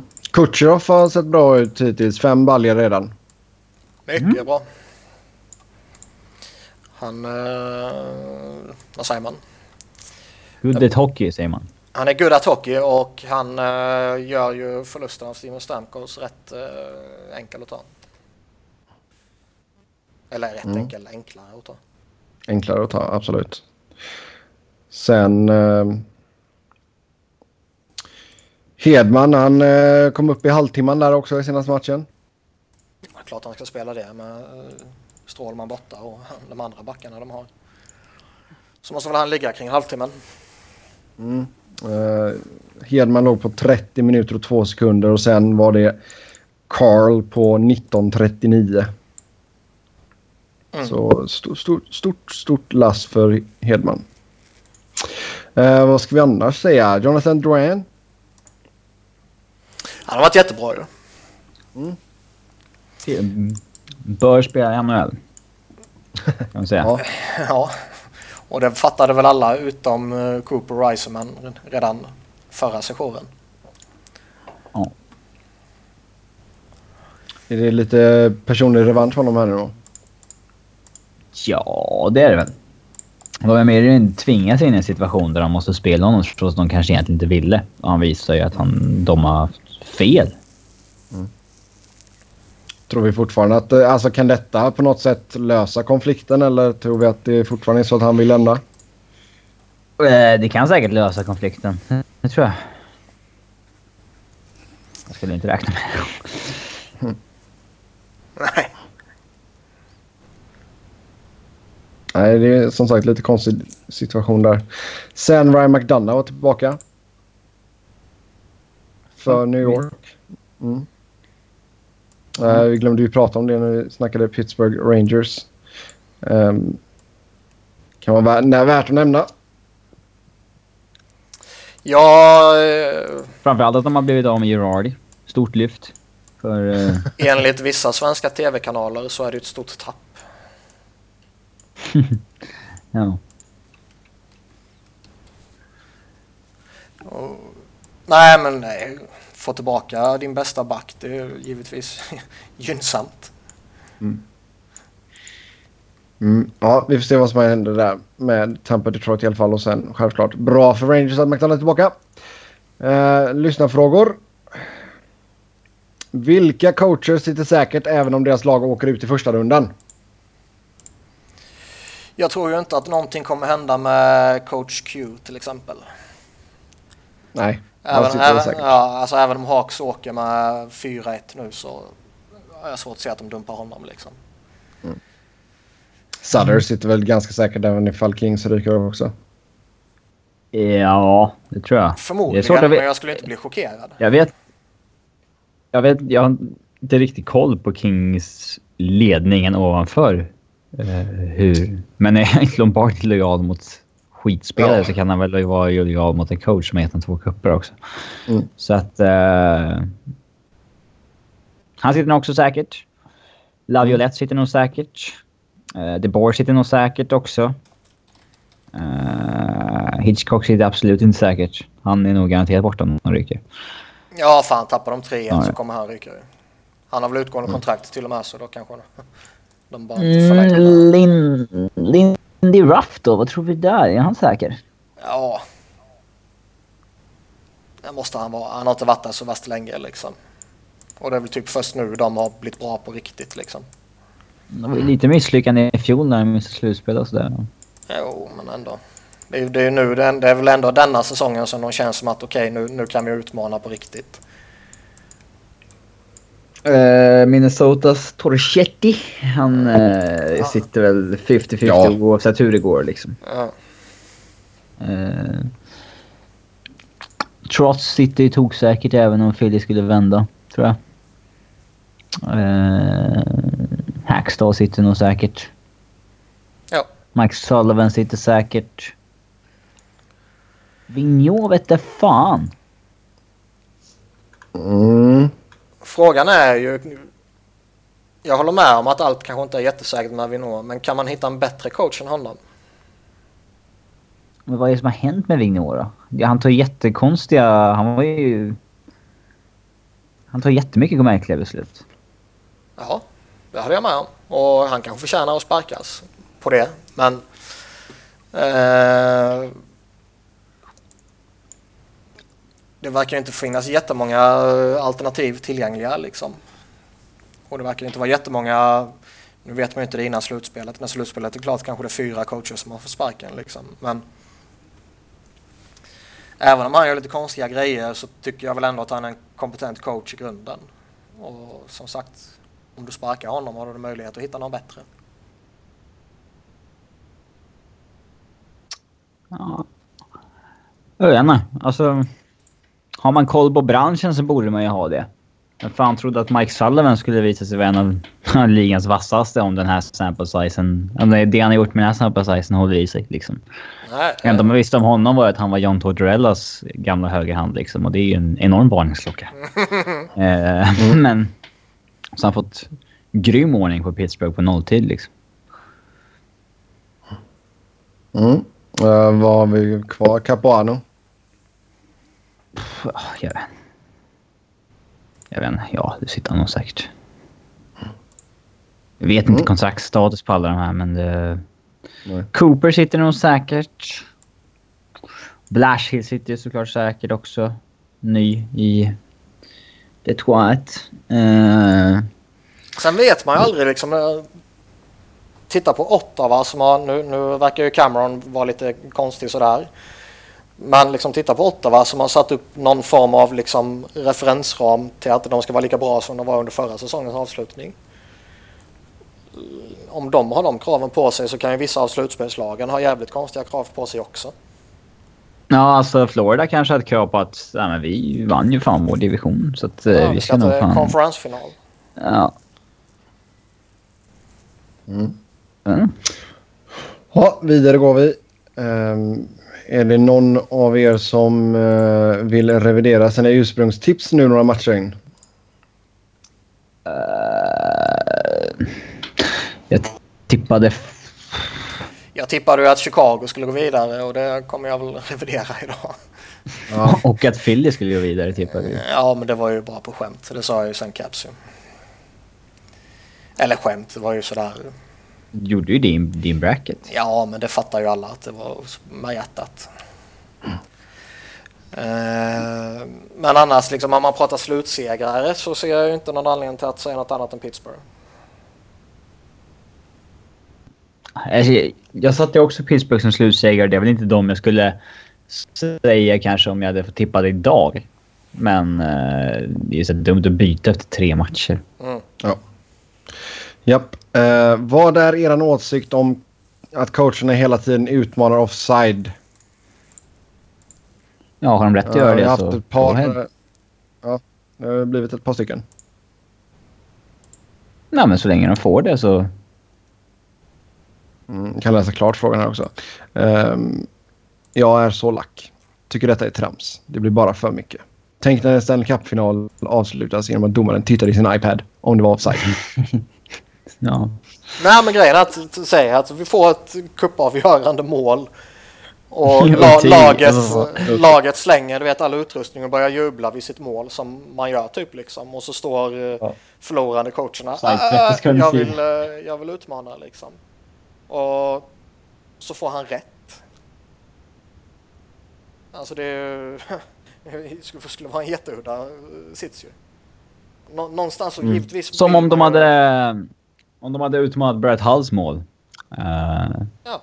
Dallas Buffalo. Ja. Någonstans så är det ju klart att alla väl vill att liksom man inte ska vinna på felaktiga saker liksom. Och jag, jag kan leva med typ goalie interference, att man har eh, rätt att köra coaches challenge på det. Eh, sen tycker jag ju att ligan behöver bli bättre på att liksom få rätt beslut och att det finns för många situationer som liknar varandra som, som ger olika bedömningar liksom. Mm. Men offside, alltså. Det känns så jävla tråkigt och det, kän, det tar sån lång jävla tid och det dummaste av allt är att de ska titta på sin jävla iPad Mini som sagt. Fan, ska man ha, om man nu ska ha det på det här sättet så se för fan till att göra det ordentligt och skicka upp alla bilder och alla beslut till eh, Toronto. Och inte låta en jävla domare stå och kolla på en jävla iPad. För fan, det är ju alltså...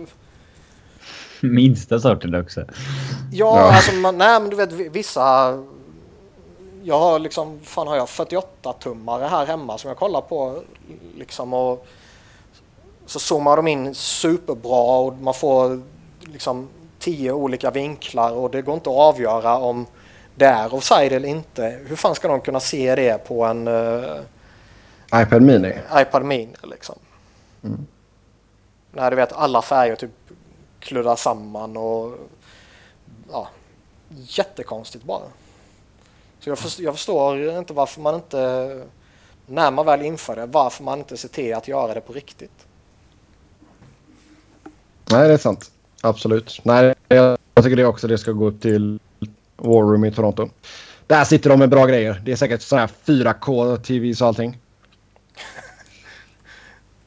De borde göra en sån 100-tummare. Nej, men alltså jag tycker att offside är inte ett så avgörande domslut så att det är... Eh, att det borde man få gå tillbaka och kolla på.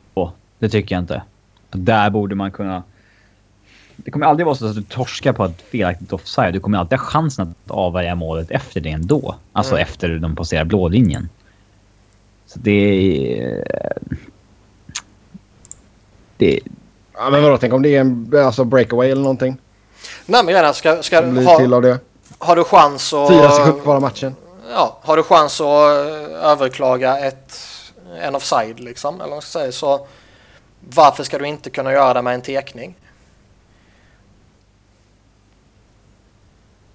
Och varför ska du inte kunna göra det med den situationen eller den situationen?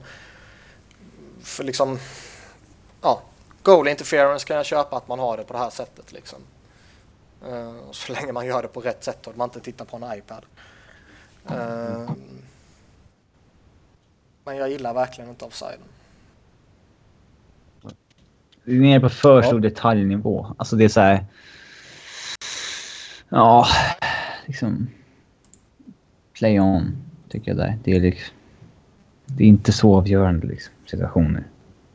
Så att, så att det måste bli rätt. Det är inte så här som en målkamera i fotbollen. Att det liksom är charmigt om det blir lite fel ibland. Som vissa tycker. Där är det så här, men liksom, det är ju direkt avgörande.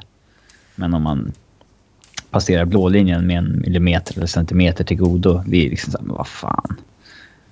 Det handlar ju fortfarande om att sätta pucken i nätet sen. Mm. Jo, men det är väl samma sak i fotboll då? Det handlar fortfarande om att sätta bollen i mål. Nej, det är en annan situation eftersom det är en andra situation. Alltså jag menar offside i fotboll. Ja, men vi har inte målkameror för offside i fotboll. Nej. Men det är... Ah, jag vet inte. Det är vad det är just nu i alla fall. Hur ska ligan hantera tanking? Just nu så vill alla förlora. Det kan knappast vara bra för försäljningen av merchandise. Merchandise? Det var frågan i alla fall. ja, jag ser väl problem... Ja, som tråkiga än att merchandise-försäljningen går ner kanske, men... Uh, merchandise? Ja. Uh, intressant synvinkel det. Ja, en uh, businessman som har skrivit in. Ja. Nej, men det är väl ett trist tanksystem, men eftersom det... Hur vi ska lösa det är frågan. Vi har ju redan sagt flera gånger att det är trist som fan, men hur vi ska lösa det, den är... Ja, men det är väl ge alla lag som missar slutspel en lika stor chans att få första valet. Ja, det skulle inte jag ha något emot faktiskt. Nackdelen med det är ju att eh, förmodligen kommer väl vissa lag föredra att missa slutspel än att ta sig till slutspel. Ja, just det. Om man har lika stor chans på McDavid när man kommer nia som jo. har att bli svepta i något i första rundan när man kommer åtta. Ja. Eh, ja, så är det väl också. Så det blir en nackdel med det. Men det är nog varit bättre än idag. Alltså det är ju bättre idag än vad det var tidigare. Men... Ja, nu när de har ändrat lotterisystemet lite grann. Ja. ja. Men någonstans så tror jag nog ändå att man ska sprida ut möjligheten att få första valet på en, ja, fler lag så att säga. På större mm. chans. Alltså lag kommer fortfarande tanka om det är så att du har 15% chans att få första valet om du kommer sist och 13% om du kommer näst sist. Mm. Då kommer ju folk fortfarande tanka som fan. För om du inte har något slutspel att spela för så är det ju fortfarande det du går för. Uh, så att uh, det är klurigt. Men om du skulle göra det så att alla har samma chans. Då skulle det bli ramaskri när de som vinner Stanley Cup på första valet. Okay. Men det är det väl ingen som har sagt? Nej, nej, men alltså jag säger om man skulle göra det helt jämnt. Nej, nej det tycker jag inte. Nej, det ska vara alla, alla som missar ska det vara helt jämnt för. Och sen de 16 som går till slutspel blir det ju som det är nu att man rangordnar. Men som mm. sagt nackdelen med det är ju att ja, för många lag vore det bättre att missa slutspel då än att gå till slutspel. Som Phil i år. Det är väl bättre att komma nio och ha en bra chans på Matthews än att bli svepta Washington. Ja, men exakt. Alltså, liksom, man hade kunnat resonera så. Ja, nej, nej, det är ju inget snack om att det är bättre. Men eh, liksom, hur nöjd man än är med den här slutspelspushen och oavsett vilket lyft det kanske ger för unga spelare och allt man kan argumentera för liksom så organisationen skulle ju må bättre av att vinna lotteriet. Mm. Ja. Ja, sen har vi en lång fråga här angående Niklas Lidström. Eh, ska vi se, som skriver in här. En sak jag tänker på ibland är Niklas Lidströms storhet. Att han var en av världens bästa backar både offensivt och defensivt. Men om man rent hypotetiskt måste välja att använda honom antingen i offensiven eller defensiven, vad skulle ni välja? Eh, jag kan inte bestämma mig eftersom han var så otroligt bra över hela banan. Men tänker man in i slutet av hans karriär då Rafalski och Kronvall kunde leverera offensivt så behövdes Lidström, Lidström mer i egen zon. Så jag säger ändå defensivt. Vad skulle ni säga? Um, jag tror nog välja. Uh, offensivt. Skulle ni ändå klassa honom mer som en offensiv back än en defensiv back? Mm, jag är nog beredd att hålla med. Han, han är väl, uh, vad ska man säga, han är väl den ultimata tvåvägsbacken liksom. Men mm. om jag får välja att ha bara hans offensiv eller bara hans defensiv så tar jag väl offensiven. Mer svårhittat? Ja. Mm. Ja. Sen uh, ska vi se. Vore kul att höra vem ni anser som ni sett som den mest kompletta spelaren någonsin och hur står sig Sergej Fedorov där? Kompletta någonsin? Mm. Fjodorov. Alltså, Fjodorov, ja. Snubben, Vi precis, snubben vi precis pratade om kan man slänga in här också. Ja, Niklas är väl en av de mest kompletta spelarna någonsin. Tack. Ja, det finns ju ändå många som skulle säga emot i och med att han inte har det fysiska elementet av spelet. Så, men... Nej, men han var ju så jäkla smart i sitt spel och den... Alltså, så bra han var med klubba och positionering och allting så behövde han ju inte smälla på. Nej. Uh, nej, mm. men om man pratar liksom de senaste... Inte han saknade. Ja. Då säger jag Chris Pronger om vi Alltså Prong, Pronger var ju mer komplett än Lidström så. För han hade ju exakt samma som Lidström, bara att han hade elementet med med sin fysik och han var liksom skräckinjagande. Mm. Mm. Det är ju klart att det påverkar motståndarna.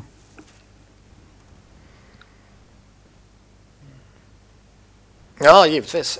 Uh... Behöv, visst, Lidström behövde inte smälla på. Det är absolut sant. Uh, ja, mer kompletta spelare. Uh, alltså Peter Forsberg var ganska komplett när han var frisk. Ganska? han var riktigt komplett. Det var, det var en komplett spelare fullt ut. Uh... Men någonstans vill man väl ändå, alltså Fedorov Men jag menar Fedorov var ju... att nämnas ju. Det är klart han ska vara eh, högaktuell på att få den titeln. Men sen, jag menar, Sidney Crosby. Ja. Mm. Idag. Mm. Uh, Mark Messier liksom. Kan lika gärna slänga in Wayne Gretzky och Mario Lemieux också. Alltså alla av världens bästa genom tiderna typ liksom som är där uppe och aktuella där var ju på något sätt jävligt kompletta. Man tar sig inte till absolut, absolut, absolut toppen för att man har en eller två spetsegenskaper. Nej. Nej. Uh, ja, några andra namn du vill kasta in där? Uh, ja, ska man slänga in någon back till så Ray Bork typ. Men som sagt, du kan ju säga vem som helst av de som anses vara bäst genom tiderna så, så känns det som ett eh, ja, ett värdigt alternativ liksom. Mm. Ja. Eh, ska vi se. Emil skrev in en fråga till dig här Niklas. Varför borde Flyers gå efter Grossman i sommar när han blir UFA? Vad fan ska man in det? Han skrev det till mig. ja, det uh, frågade han mig innan vi började också och jag tog vägrade ta med den i körschemat. Ja.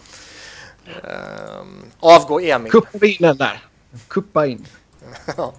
Nej, det är klart. Uh, han, är, han är skitdålig. Det är fan ingen som Avgå Emil alltså, inget svar. Vad sa du? Nej, alltså han borde väl kunna hitta något jobb kanske. Ja, det är kanske. klart. Någonstans kan han ju alltid hitta något jobb, givetvis. Han kan gå stanna i Arizona liksom.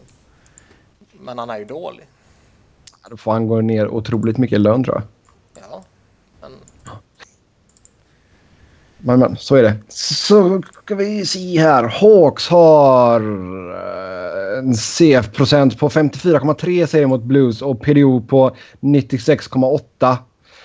Flyers har CF-procent på 56,5 och PDO på 92,4 mot Caps. Hur bokstavligt ska man tolka denna statistik? Har båda lagen otur att det ligger under i matchserierna?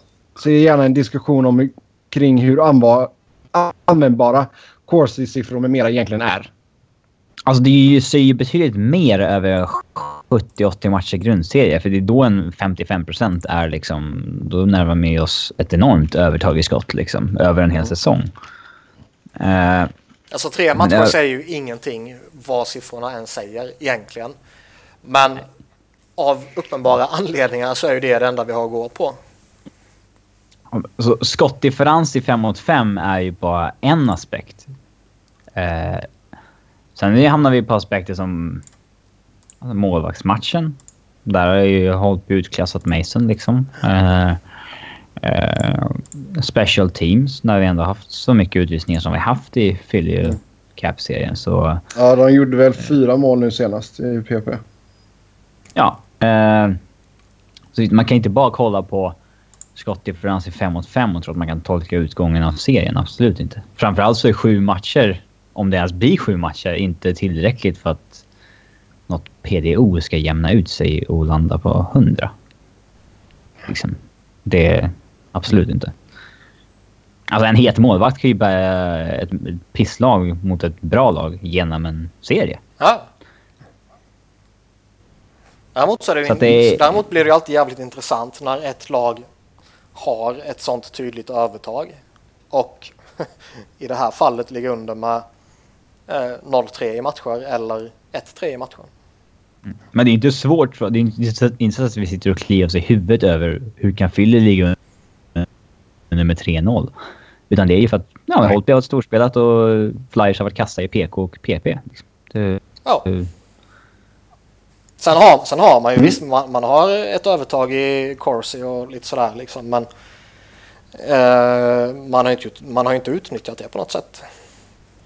Nej, och det är inte så att man har eh, liksom dubbelt så mycket skott som Caps i 5 mot 5. Utan det är liksom, visst man har ett litet övertag.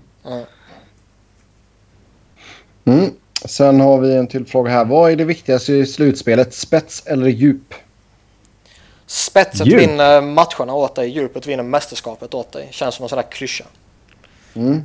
Säger vi så? Nej. Ja. Men det, det, man märker lag som inte har fyra kedjor att gå på att de orkar sällan igenom en hel slutspelsserie alltså. Det... Framförallt inte flera slutspelsserier. Nej, det... Alltså man orkar inte hela vägen. Mm har du fyra kedjor som kan mala ner så då kan du ju nästan ta dig förbi vilket lag som helst. Men ska du förlita dig på en eller två toppkedjor som någon skicklig motståndarcoach kan stänga ner eller sådär, då... Typ flyers. Uh, ja, alltså det är ju... Ja, det är liksom Jerus kedja, sen that's it. Det är, kan man då stänga ner den så är inte det bra. Då tar jag hellre ett djup som många av de andra lagen har som Anaheim eller ja, till viss del Kings då. då. Uh, Pittsburgh lite grann nu. Uh, Caps. Ja, Caps går väl att säga fortfarande. Så att fjärde är inte supervassa, men... Nej, men liksom typexemplet de senaste åren är väl egentligen Boston, när de var som allra bäst. De mm, slängde mm, ja. ut fyra kedjor och alla bara malde sönder dig. Ja, innan de började få en liten skev bild av för djupspelare de skulle ta in. Hashtag Sacramaldo. Lite så. Är han värd sin egen, sin egen hashtag? Ja. ja. Jag ska säga att Viktor Ståhlberg blev av med tre tänder här läste jag precis. Jag fattar fortfarande inte hur man kan blunda för det. Det är så sjukt. Spelar han med, alltså det här är en konstig fråga kanske, men spelar han med tandskydd? Måste man inte det? Ja. ja. Du kan ju bli av med måste. tänder även om du har det. Det måste du inte. Nej men du, det är väl en... Eh, jag tror det är en försäkringsgrej. Och ålders, åldersgrej. Jag tror Jagr spelar utan. Jag tror det var en försäkringsgrej liksom. Jag har för mig jag har hört det. Att, uh, för de, man, det finns ju, jag läste någon, det var rätt länge sedan i och för sig, men att det fanns någon liksom forskning som sa att tandskydd uh, kan ha liksom ja, motverka hjärnskakningar på något sätt eller sådana grejer liksom. Okay. Ja, alltså jag vet ju att det inte är mandatory. Mm. Nej, det jag... Men jag, jag bara undrar ifall han spelar med det eller inte. Lite, ja, Daniel Johansson, vår skribent på Svenska fans, har lite fired up på Twitter över att Letang inte blir avstängd. Eh, han är ju Rangers-supporter såklart. Eh, jag som har hot takes här nu. Ja, och, ja. På, Victor, eller på Niklas Wiberg manér går han ut och säger årets största skämt. Ribban är satt. Ut och döda i nästa match. Jag berömde honom precis. In, in, in, inte lik Daniel. ut och döda. Nej, men grejen, grejen att alltså, jag har ju sagt det några gånger tidigare. När ligan inte kan liksom hålla sådana här saker under kontroll och inte ta sitt ansvar och inte visar ut spelare under match eller eh, ta i åtgärder i efterhand liksom, så kommer det ju leda till att spelarna själva känner att de måste ta tag i grejer. Så jag skulle inte bli ett dugg förvånad om Tanner Glass liksom dunkar in i Letangs huvud nästa match. Varför inte? Glass gör ändå ingen nytta. Och uh, Letang förtjänar inte att spela så... Nej, fan död, döda honom. Jag säger som Daniel. Ut och döda. Mm. För någonstans, eh, nu, nu skämtar jag såklart och det gör ju Daniel också. Det tror jag eh, de flesta fattar. Men, jo, men kan liksom, det bli hämndaktion? Nej, men det är det jag menar. Det är klart det kommer bli det. Om inte ligan sköter sig och liksom fan tar en klubba och drämmer den i huvudet på någon annan jävla spelare. Och när du för några veckor sedan stängde av en spelare för att ha drämt klubban i huvudet på en annan spelare. Med en hand? Det här var två. ja. Och när du då blundar för det här. Då öppnar man ju portarna liksom. Då tror fan att liksom, det kommer bli öga för öga. För om inte ligan klarar att ta hand om sådana här grejer så kommer ju spelare och eller coacher känna att nej, då är det upp till oss själva att lösa det här liksom. Och när det blir så här, jag minns inte vilken situation det var som jag sa det om, men jag sa det för typ två veckor sedan. När det blir så här så har jag inga som helst problem med att lagen tillämpar öga för öga mentaliteten. För om domarna och mm. ligan inte gör sitt jävla jobb så har jag full förståelse för att lagen själva känner att nej, då får vi ta tag i det själva. Och det har jag full förståelse för att det spårar. Vem eh, tror ni det kan bli som eh, åker på uppgiften att eh, plocka Letang? Det måste ju bli Glass. Alltså, nu tror inte jag att det sker, men... Eh, Nej, men liksom fan... Det är dumt att skicka Zuccarello på honom. Nej, och du skickar ju inte Rick Nash heller bara för att han är stor liksom. Utan ska du skicka någon så ska det vara typ Dylan McIlroth eller Tanner Glass liksom. Mm. Antingen någon som har den där typiska spelstilen eller någon som är så jävla dålig så det gör ingenting om du, ja, du vet han slängs ut från matchen. Mm. Undrar hur Oskar Lindberg skulle reagera om han fick orden att gå ut och plocka Letang. Vem, vem sa du? alltså, Oskar Lindberg. så här, så ja, ja, liksom. Uh, så här, ja. Det är bara att svinga klubban i huvudet på honom. Det är okej nu enligt ligan. Mm. Mm. Uh, sen kan vi säga det också att Mike Heika, uh, Dallas Morning News, skriver att Seguin kommer vara borta i match 4. Ja. Vanik is day to day, Parisi is week to week. Mm, Vanik åkte på en smäll där av uh, Svedberg.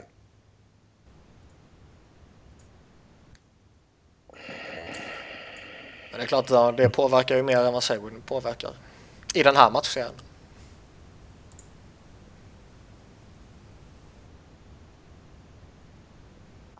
Mm.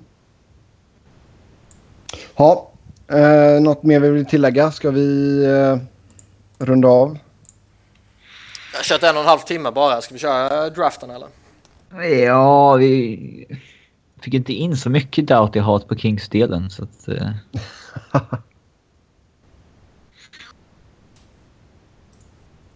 mm. Jag tolkar det som att ni vill köra. Yes. NHL Redraft 2008.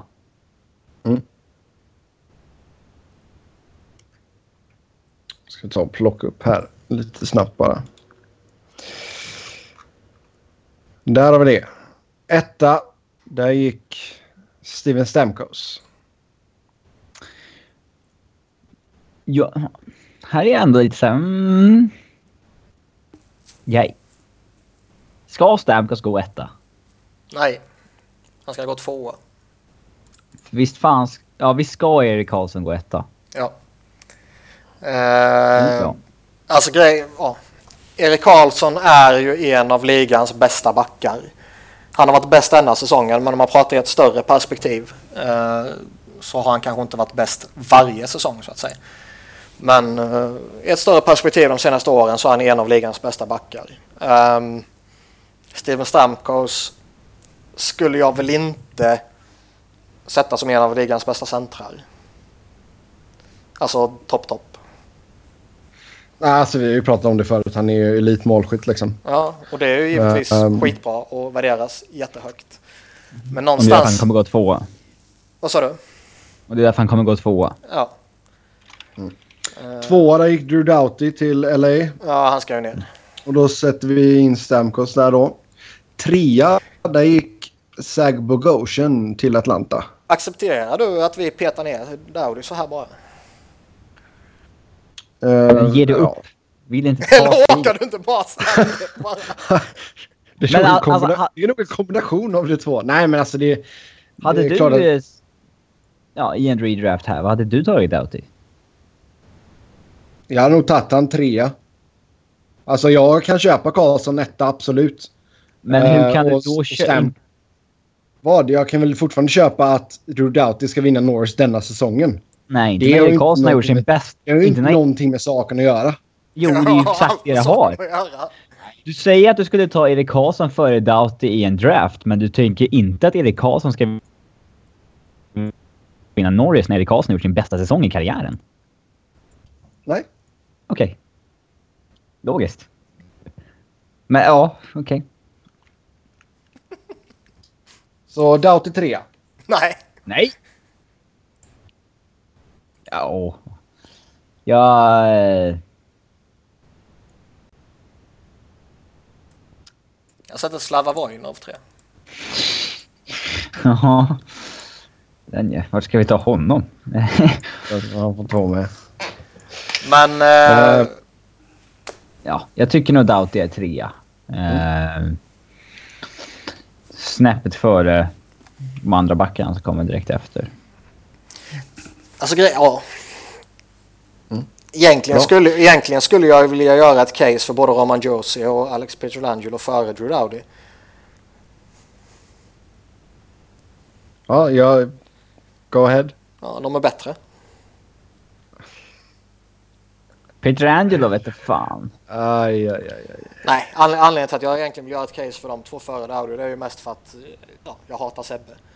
Men... Um, Pietrangelo, är liksom, det, det är nog svårt att göra case för honom. Men Han har inte blivit så jävla bra som man trodde för två, tre år sedan att han skulle utvecklas till heller. nej, nej.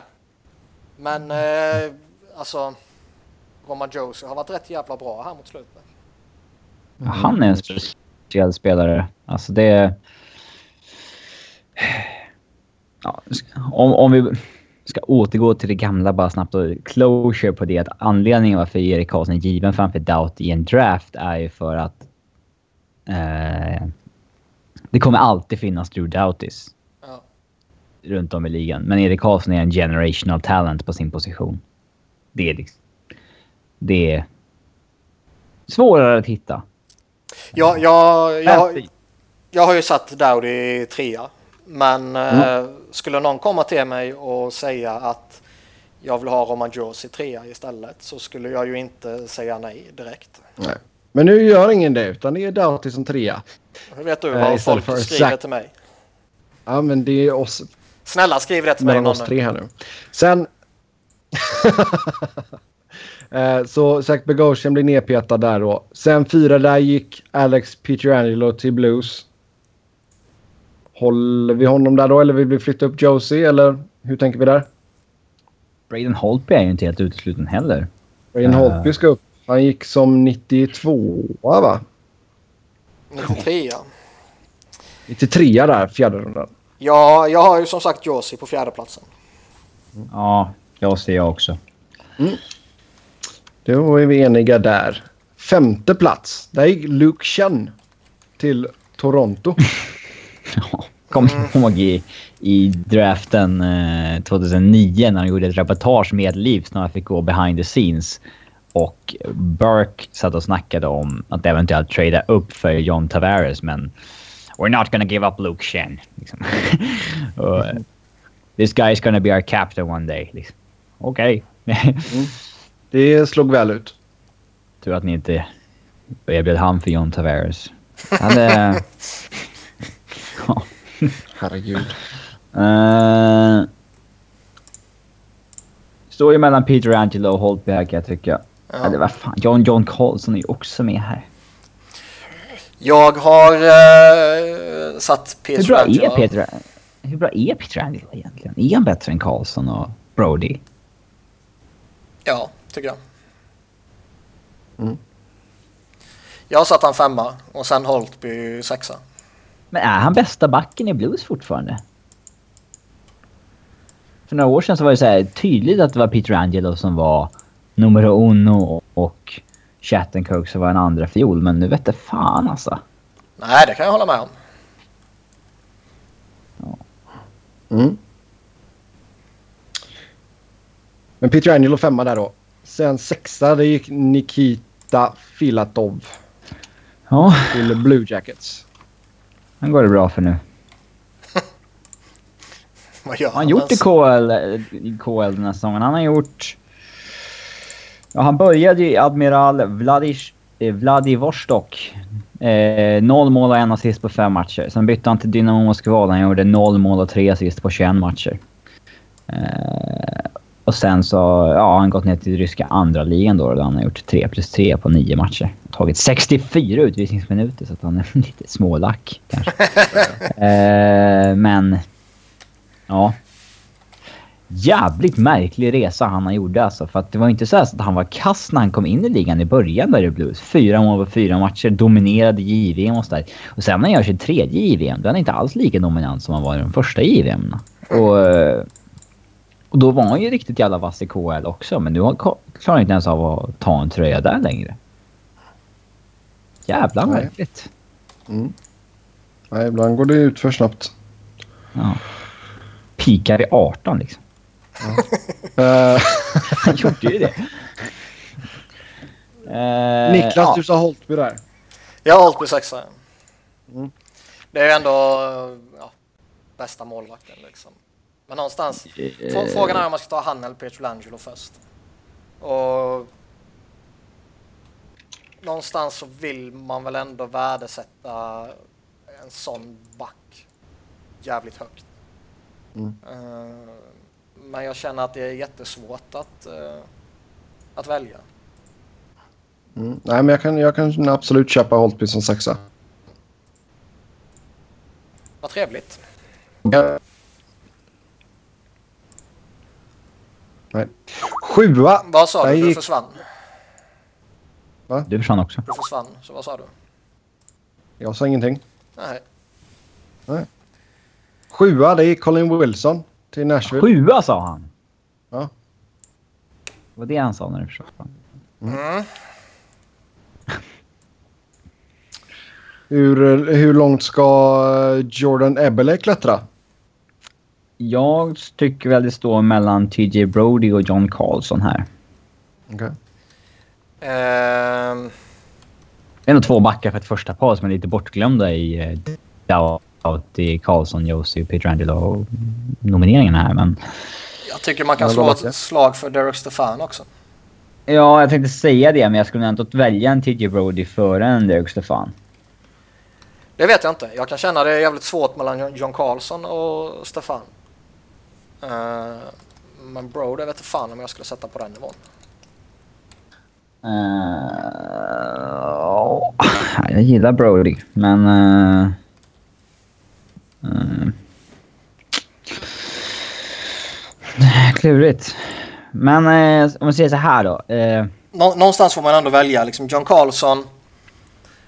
Han är väl en given back för ett topppar liksom.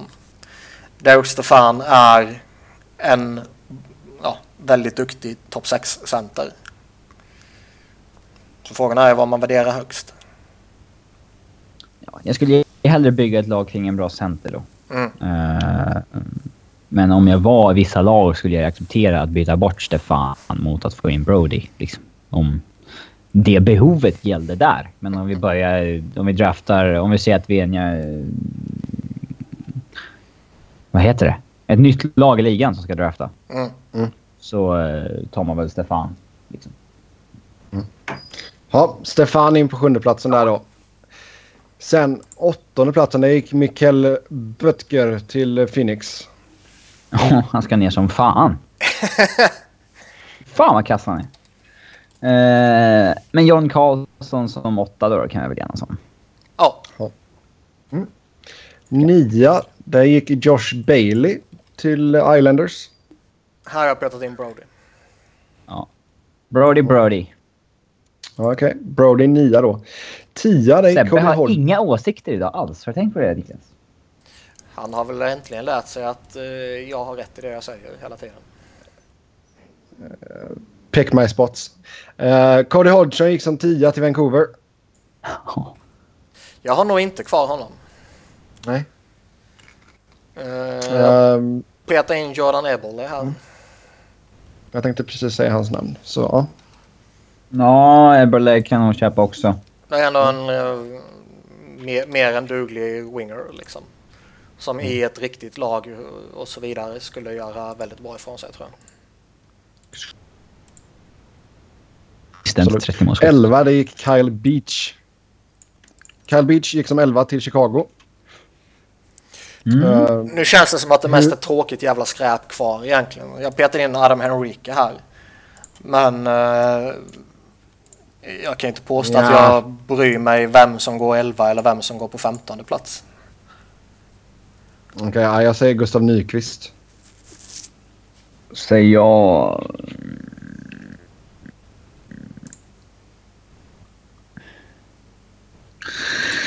Skulle nog säga någon av uh, Hamonic eller Myers kanske. Ja. Men om jag ska välja mellan Nyqvist och Henrik så... eh, Nej, jag tar nog Nyqvist. Då åker Nyqvist in där på elfte plats till Chicago. Tolva, där gick Tyler Myers till Buffalo. Jag har petat in eh, Travis Amonick här. Jag gillar ändå så det, för de, de kör ju lite så här noteringar ibland, alltså hur de fick det valet. Mm. Alltså, Tyler Myers, Buffalo, from Edmonton via Anaheim and Los Angeles. Ja, ja alltså grejen är att de, de fyra platserna här har jag Adam Henrique, Travis Hammonick, Gustav Nyqvist, Tyler Myers i den ordningen 11 till 14. Och jag känner ju verkligen att jag bryr mig inte det minsta med vilken ordning de hamnar i. Och, jag, jag, jag, jag, och liksom jag, jag kan inte sitta och argumentera för att den ena ska komma före den andra. Liksom. De är i samma grouping. Ja, Men Ja, väl, ja, vem var det du Henrik- ska välja? Henrik 12 då eftersom han inte gick 11. Henrik. Okej. Trettonde plats, Colton Toibert, Tebber. Bra LA. val av Kings. Mm, väldigt bra val. Hade kunnat ta Erik Karlsson och ha bägge. Ja, herrejävlar. Det hade varit något det. Sebbe skulle hata Eh. Erik Karlsson ändå. Han har varit ännu bättre i Kings. Ehm, ja, Toibert får inte vara kvar där i alla fall. Nej, Uh, nej, Hamonic. Ehm, om, om ni fick välja bara idag så här, Hamonic eller Myers, vem tar ni liksom? Vem, vem har näst? Finns det fortfarande så pass mycket high reward att hämta ur en Myers? Ja, alltså jag grejen är har att... nog gått med Hamonic. Ja, jag väljer nog Hammonick mest för att han känns mer lite trygg på något sätt. Myers... Mm. Jag vet Han är ju fan. fega valet. Ja, men vet fan om han liksom... eh,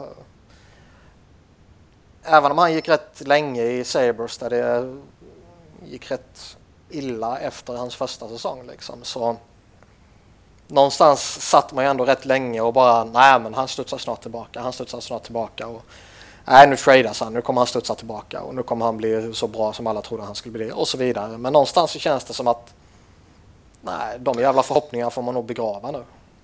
Mm. Han blir ingen den backen han var med Talinder. För Talinder är no more.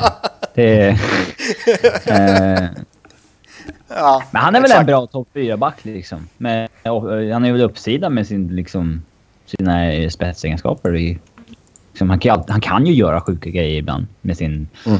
enorma fysik. Och, han har ju liksom en skicklighet blandad med skill, sizen som är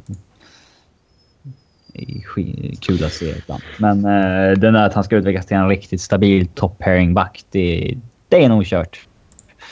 Mm. 14, alltså vi säger Hamonic där då. 14 plats det gick Zach Boychuk till Carolina. Ja, nu blir det Myers. Då, ja. då blir det Myers. Ja. Sen 15 plats då, där gick Erik Karlsson till Ottawa. Ja, han har vi flyttat upp. Mm. Så vem pillar vi in som 15? Uh, Jared Gardner skulle jag nog säga. Hur förhåller man sig till Slava Vojnov? inte högt. Nej, Nej men om, om man liksom... Du, du ska göra draften igen och vi, vi inte vet att han är en smutsig människa. Alltså jag tycker fortfarande Jay Gardner är bättre än honom. Ja, ja, nej. Jag känner det kan vara rätt öppet. Ja, men han är fast med diskvalificerad. Ja, men om du bortser från det, för det har ju inte hänt ännu. Nej. Ja, då är det väl en toss-up. Jag skulle nog faktiskt ha Gardner före någon av dem vi kanske nämnt tidigare om jag hade kollat ner lite och såg att han var med i listan. uh, ja, nej, jag har ju inget emot att sätta Gardner 15 såklart. Nej, inte jag heller. Men Vojna var rätt uh, intressant sådär för man färgas ju med rätta givetvis jävligt hårt av det han har gjort. Men innan det hände så var han ju en väldigt duktig back. Jo. Väldigt kort period dock. Jo. Mm. Går det från med KL? Noll mål hittills. Bra. Um, nej, Jake Gardner. Absolut. Ja. Mm, det var 2008 års draft det. 2009 nästa gång vi gör det och då gick ju en viss John Tavares etta. Det är då vi ska jobba ner Oliver Ekman Larsson. Jobba ner? Jobba upp Per Järve Svensson. Zack Cassian också. Mm, det var ju här draften som skulle bli den liksom, framtida Tre Kronor-generationen skulle fostras. Eh, vi liksom hade sju namn i första rundan och ett gäng i andra rundan också. Mm. Men... Eh, Mm, det gick många säger väl en del, nej, det säger väl en del om att liksom hur... Hur... Eh, liksom, hur osäker det är. Bara för att man går liksom som nummer 15 eller någonting i draften så är det långt ifrån säkert att man blir en riktigt bra NHL-spelare. Liksom. Det, det är sant. Um, det är inte många från varje draft som blir så, så bra. Nej, det gick ju en viss herre i femte rundan som du har en man-crush på. Mike Hoffman? Jag tänkte mer på Kryger. Mm. Men Hoffman har, har ju gått i den här rundan också. Uh, mm. Sen har vi ju... Har du mancrush på honom också? Det visste jag inte. Nej, Hoffman är ju jätteduktig. Uh, Fast men det här kan ju bli riktigt... Anledningen, anledningen till att man gillar Hoffman så hårt det är mest för att Ottawa inte verkar uppskatta honom. ja. Uh, ja. Men sen har vi Ekholm och, Vat Ekholm och Vatanen i fjärde rundan. Mm. Uh, Riley Smith och Tyson Barry i tredje rundan. Mm. Nej, det blir intressant. Men det tar Ryan O'Reilly i andra rundan. Så vi får se var Oliver Ekman Larsson hamnar när det är sagt och gjort. Om det är topp 15 eller icke. Jag känner väl att han är med på topp 15, men jag är inte helt övertygad om topp 10. Mm. Nu vet jag inte om ni skämtade eller inte, men det... Gör ni inte det så... Ja, hallå. Hade vi inte kunnat gjort den här redraften när Oliver var med? Vart skulle du sätta dig själv? är det bättre än Victor Hedman? fråga. Ja, nej, vi får se. Men det blir nästa gång vi gör draft. Vi får se ifall det blir nä nä nästa program eller inte. Beroende på hur mycket vi har att Fan, snacka om matchserien. Den här, äh, den här draften alltså. Mm, absolut, Riktigt absolut. Mm. Med det så säger vi tack och hej.